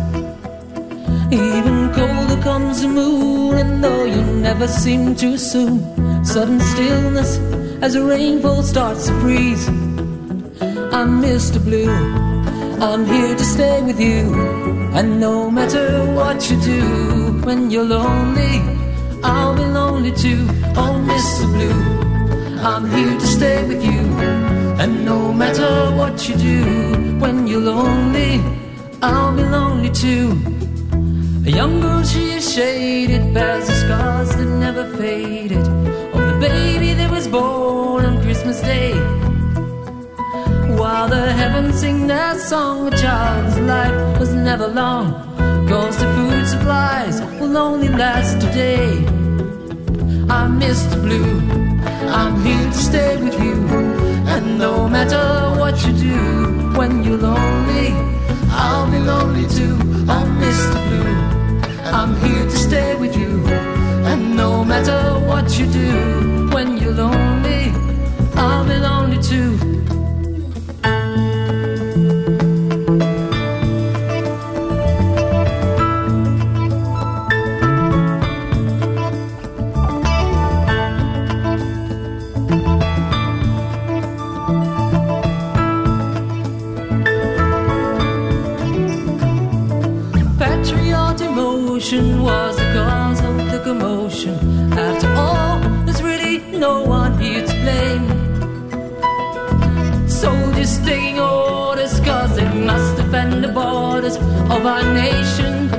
Other side's the same. Oh, Mr. Blue, I'm here to stay with you, and no matter what you do, when you're lonely, I'll be lonely too. I'm Mr. Blue and I'm here to stay with you. And no matter what you do,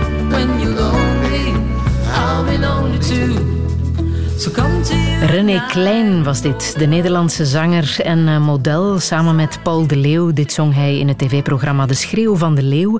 Dat was in 1993, Mr. Blue. Ik zat toen voor het televisiescherm. Piet Hoebeke, jij ook. Jij hebt dit ook gezien. Het was een legendarisch televisiemoment, hè? Ik krijg er weer koude rillingen van. Ik heb er toen echt geweend. Dat was zo, zo naar de keel grijpend. Hè? Die uitgemergelde René Klein, die zo'n mooie man geweest was, die dan nu daar helemaal uitgemergeld lag en nog dat liedje zong. En dat was, eh, ja, wij hadden net heel dat AIDS-verhaal, dat stond op zijn poot sinds de jaren tachtig. Ik herinner me nog dat ik in het tweede doctoraat zat eh, en we kregen les inwendige geneeskunde. En professor Marcel van der Straat zei: oh, Er is een nieuwe ziekte ontdekt in Amerika, gay-related immune deficiency. Eh, dat is een ziekte die alleen maar homo's treft. En dan was er eh, in publicaties: Gay cancer is around the corner. Dus uh, kanker die alleen homoseksuelen treft. En toen stuk bij stuk zagen we ook patiënten. Hè. Ik was dan stage lopen en onder andere professor Erik van Hekken was dan een dermatoloog die heel veel van die mensen... Hij was zelf homo en hij zag heel veel van die jonge homoseksuelen uit Gent met Kaposi-sarcomen. Ik herinner mij dat ik op die kamers ging en dat ik dacht van... My god, wat is dat voor ziekte? En, en voordat we dan door hadden dat dit gewoon een virus is die toevallig via seksuele transmissie gaat, heeft dat wel een tijdje geduurd. heeft ook heel veel angst. Ik kan begrijpen dat mensen voor corona bang zijn. Hè. Ik kan dat zeer goed begrijpen. Maar we hebben dat dus al meegemaakt, uh, zeker in de homogemeenschap. Ja, was toen uh, ook heel lang heel onduidelijk hoe je het kon, uh, kon hebben. Hè? Absoluut. En ik heb, uh, ik, ik, herinner me, ik heb toen ooit eens er, een, kortstondige relatie gehad met iemand die seropositief was, dat wisten we toen. En ik heb daar alle mogelijke, want we kenden ook de voorzorgen, hè, wat je moest doen om het zeker niet te krijgen. En toen, uh, ja, na die relatie ben ik dan toch naar een collega gegaan en zeg, ja, ik heb nu een relatie gehad met seropositief, maar ik ben altijd veilig geweest. En zei ja, maar er is altijd een grijze zone, dus we gaan toch je bloed afnemen. Dan moest ik drie dagen wachten op de test. Dat was een verschrikkelijk iets om, om dan te horen dat je seronegatief bent, maar... Uh, goed, het was een moeilijke tijd. En, en ik denk dat, uh, ja, dit televisiefragment, ik kan iedereen aanraden om naar YouTube te gaan en het eens te bekijken. Het is zo hartverscheurend schoon. Hè? Dus het, is, het is vreselijk, maar er is daar heel veel schoonheid in uiteindelijk. En op die manier kreeg AIDS plotseling ook een gezicht wat heel erg nodig was hè, om Ja.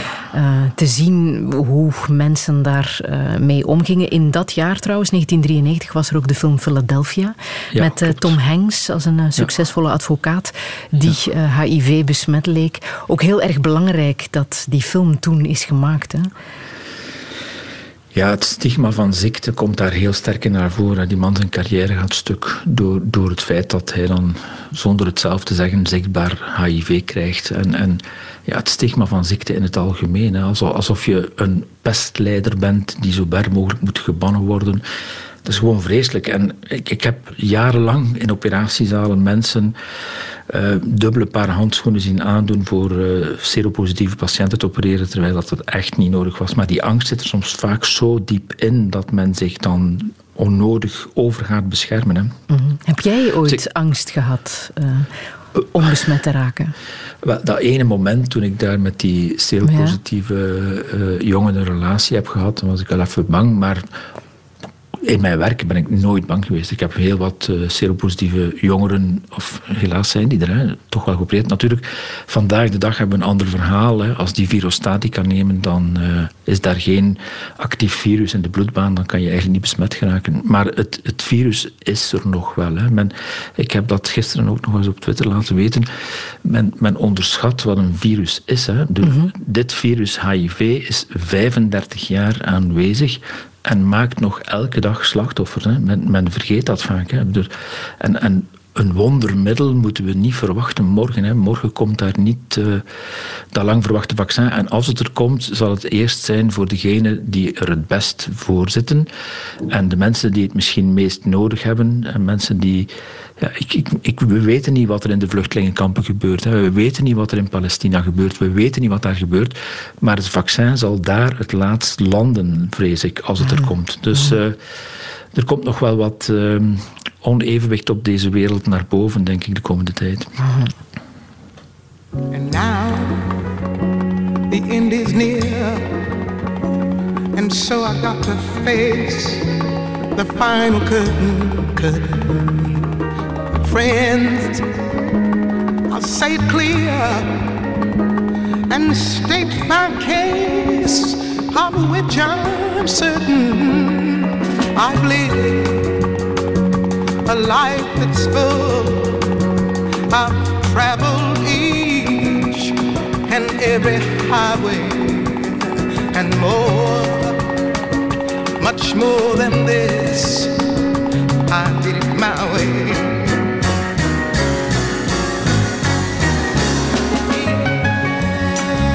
Regrets. I've had a few, but then again, few to mention. I did what I had to do and saw it through without exemption. I planned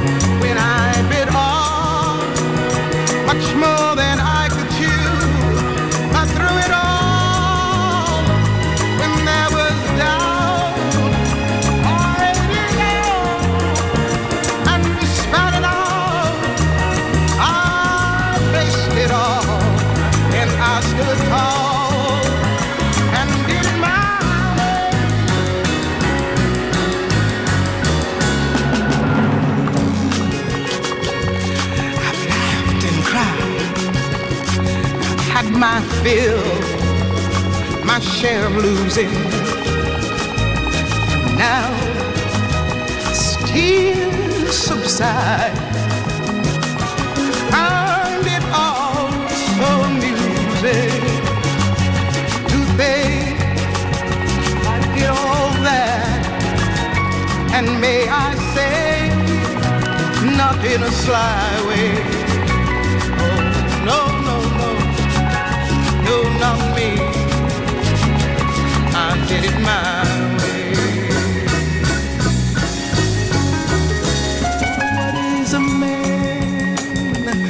What has he got?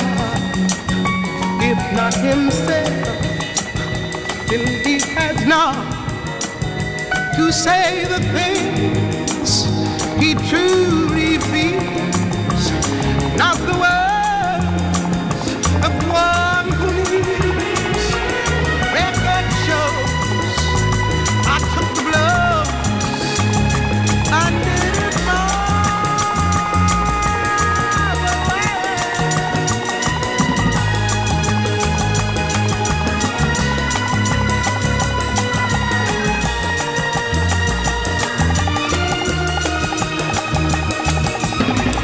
Nina Simone met misschien wel de beste versie die er bestaat hè, van My Way naar dat nummer van Paul Anka.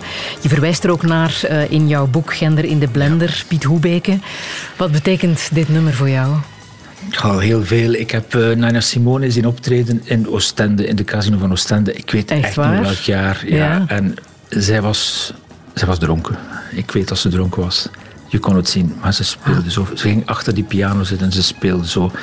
Dit is zo'n getormenteerde vrouw. Dit is een vrouw die uit het zwarte Amerika komt en zich daar ook heeft uit eh, ja, vrijgevochten eh, in een land waar dat nog steeds moeilijk gaat. En misschien wil ik daar toch eens een anekdote of iets over vertellen wat mij recent heel erg gefrappeerd heeft.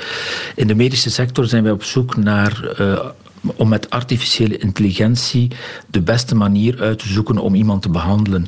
En in Amerika heeft men dat op medische dossiers van duizenden patiënten zo'n computermodel laten draaien. En men kwam eigenlijk tot twee behandelingen. Men kwam tot een zeer goede behandeling en een minder goede behandeling. En men wist niet goed wat er aan de hand was. En als men dat dan opzocht op postnummer, bleken de zwarte mensen de minder goede behandeling te krijgen dan de blanke mensen. En dat is verschrikkelijk. Na de strijd die onder andere Nina Simone heeft gevoerd om de zwarte bevolking van, van, van Amerika te ontvolgen of toch wel zichtbaar te maken en gelijkwaardig te maken, is dat anno 2020 nog altijd niet gelukt. Hè. Vandaag, bij de miljoenen werklozen, is de meerderheid zwart. Bij de doden in Amerika is de meerderheid zwart, omdat zij gewoon geen gelijke toegang hebben tot de gezondheidszorg. Dus Nina Simone was voor mij, ja, is voor mij nog altijd een, een, een topvrouw. Hè. Maar ook het feit dat ze dronken was hè, en toch wel goed performde, toonde aan hoe getormenteerd die vrouw was. Ja, eigenlijk. En zeer leven- interessant om eh, te bekijken is die documentaire die over haar is gemaakt. Hè. What Ja, Happened absoluut. Miss Absoluut. Simone, ook te zien op eh, Netflix. En als we eens kijken naar dat nummer My Way, wat zie jij als jij terugblikt op jouw leven, Piet Hoebeke? Ja, ik vind dat je, als je terugblikt op jouw leven, mag je niet spijt krijgen van iets wat je graag had willen doen en niet hebt kunnen doen. Hè. Ik vind dat je de dingen die je diep in jou voelt, die je moet doen, dat je die moet doen. Maar ik ga nog eens dezelfde voorwaarden herhalen. Op het moment dat je daarmee anderen niet in de problemen brengt. Hè. Je moet eigenlijk samen met de, als je, alles wat je in je leven wil doen, het feit dat ik dokter wilde worden en dat dat gelukt is, het feit dat ik nu decaan ben, ja, heb ik dat op een bepaald moment gewild? Ja, ik heb dat wel gewild en doe ik dat graag? Ja, ik doe dat graag. Ik wil geen spijt hebben over iets wat ik niet zou gedaan hebben. Ik, vind dat, eh, ik, ik, ik doe het op mijn manier en ik, ik ben heel blij met de manier waarop ik het doe. Had jij kinderen gewild? Ja, dat is eigenlijk wellicht wel. Ehm, kijk, moest ik natuurlijk 30 jaar jonger zijn, dan zou ik nu in een ander land waar kinderen mogelijk zijn. Dan zou ik zeggen, ja, ik zou eigenlijk misschien wel graag een kind gezien hebben van mijzelf. Nu, dat is ook dubbel, want en ik heb heel veel respect voor iedereen die nu een kinderwens heeft. En ik zou zeggen, doe ermee verder. En, maar het wordt wel een hele uitdaging voor jouw kroost om die wereld van morgen te beleven. Laat staan dat we niet moeten zeggen overleven. Hè. Dus het, het, het zal niet makkelijk zijn voor, voor de jonge mensen. Kijk wat nu met, met de jeugd die nu thuis zit. Die uh, worden net nog in nieuws mensen die dan agressief behandeld worden. Mm.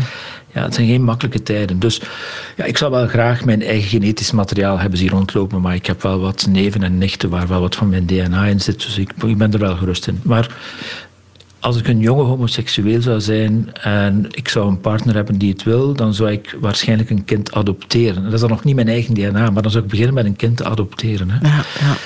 Want er is... Ja, Je, je wou nog iets zeggen? Ja. Je- weet, ik, ben, ik, ben, ik werk toch regelmatig ook in, in, landen waar het niet zo goed gaat. Ik ben een paar keer naar Eritrea geweest. Ja, ik zou een kind uit Eritrea. De Eritreërs zijn de mensen die in rubberbootjes de Middellandse Zee oversteken om, op zoek naar geluk. En ik zeg altijd, moest ik in Eritrea geboren zijn, met het verstand wat ik heb, zou ik ook een rubberboot proberen nemen naar Europa. Want Eritrea, dat is gewoon niet te leven. Dat is... eh, bijzonder erg om te zeggen, maar dat is ook zo. Dus ik zou dan een, een jonge Eritrees meisje of jongetje geadopteerd hebben. Maar Ja. nu ben ik daarvoor te oud.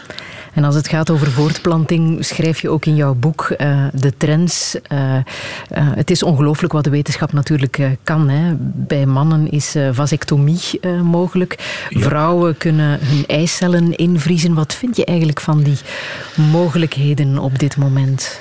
Ja, alle spitstechnologie om de voortplanting goed te, in goede banen te leiden is zeker een, een wetenschappelijke vooruitgang, maar er hangt een enorm eh, zwaard van Damocles over. Hè. Ik bedoel, we gaan naar, gaan we naar de designerbaby. Een paar jaar geleden, dus meer dan een paar jaar, ik denk 15 jaar geleden, kreeg ik een artikel van een Duitse verloskundige te lezen. En die schreef: Stel dat het mogelijk is om prenataal te detecteren of mijn zoon homoseksueel is, dan zou ik hem laten aborteren. Dat was een gynaecoloog. En het is zeker nog in de jaren 2000. hè. Ik spreek niet over de jaren 1900.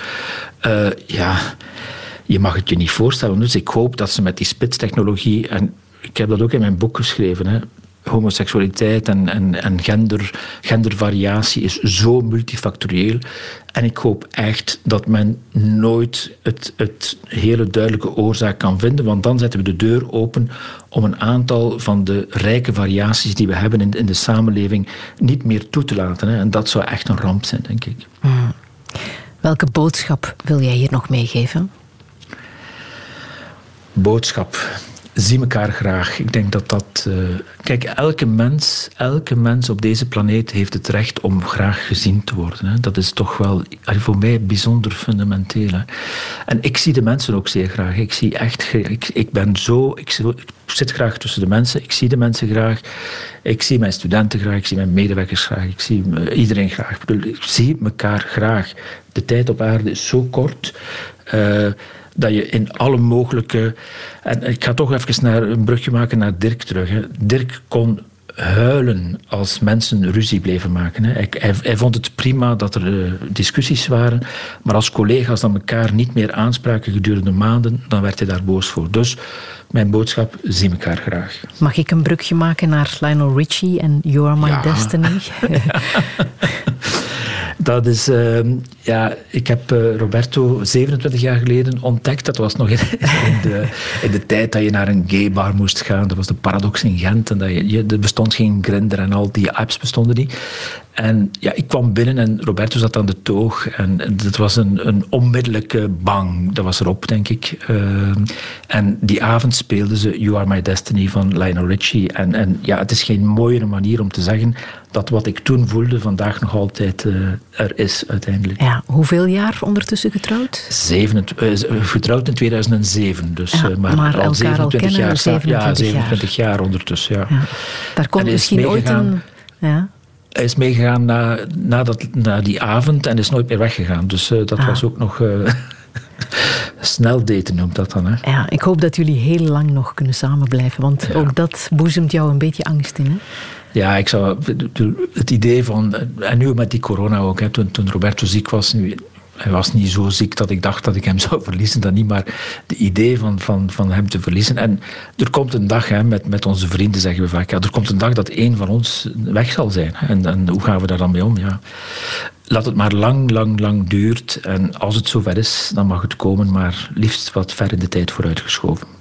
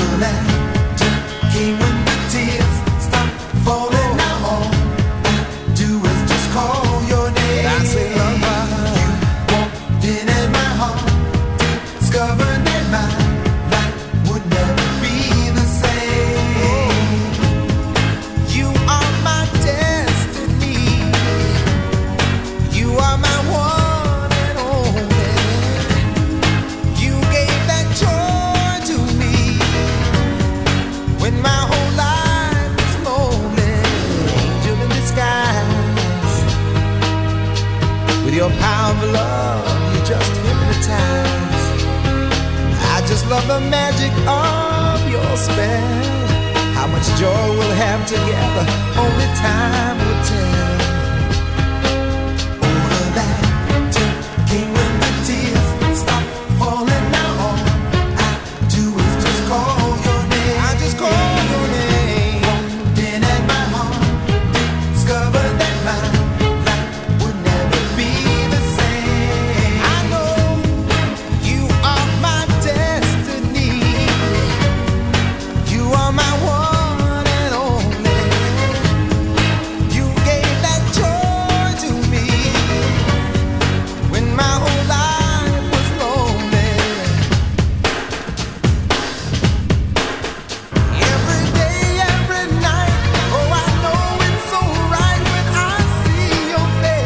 Lionel Richie en You're My Destiny met dank aan Piet Hoebeke vanuit Gent.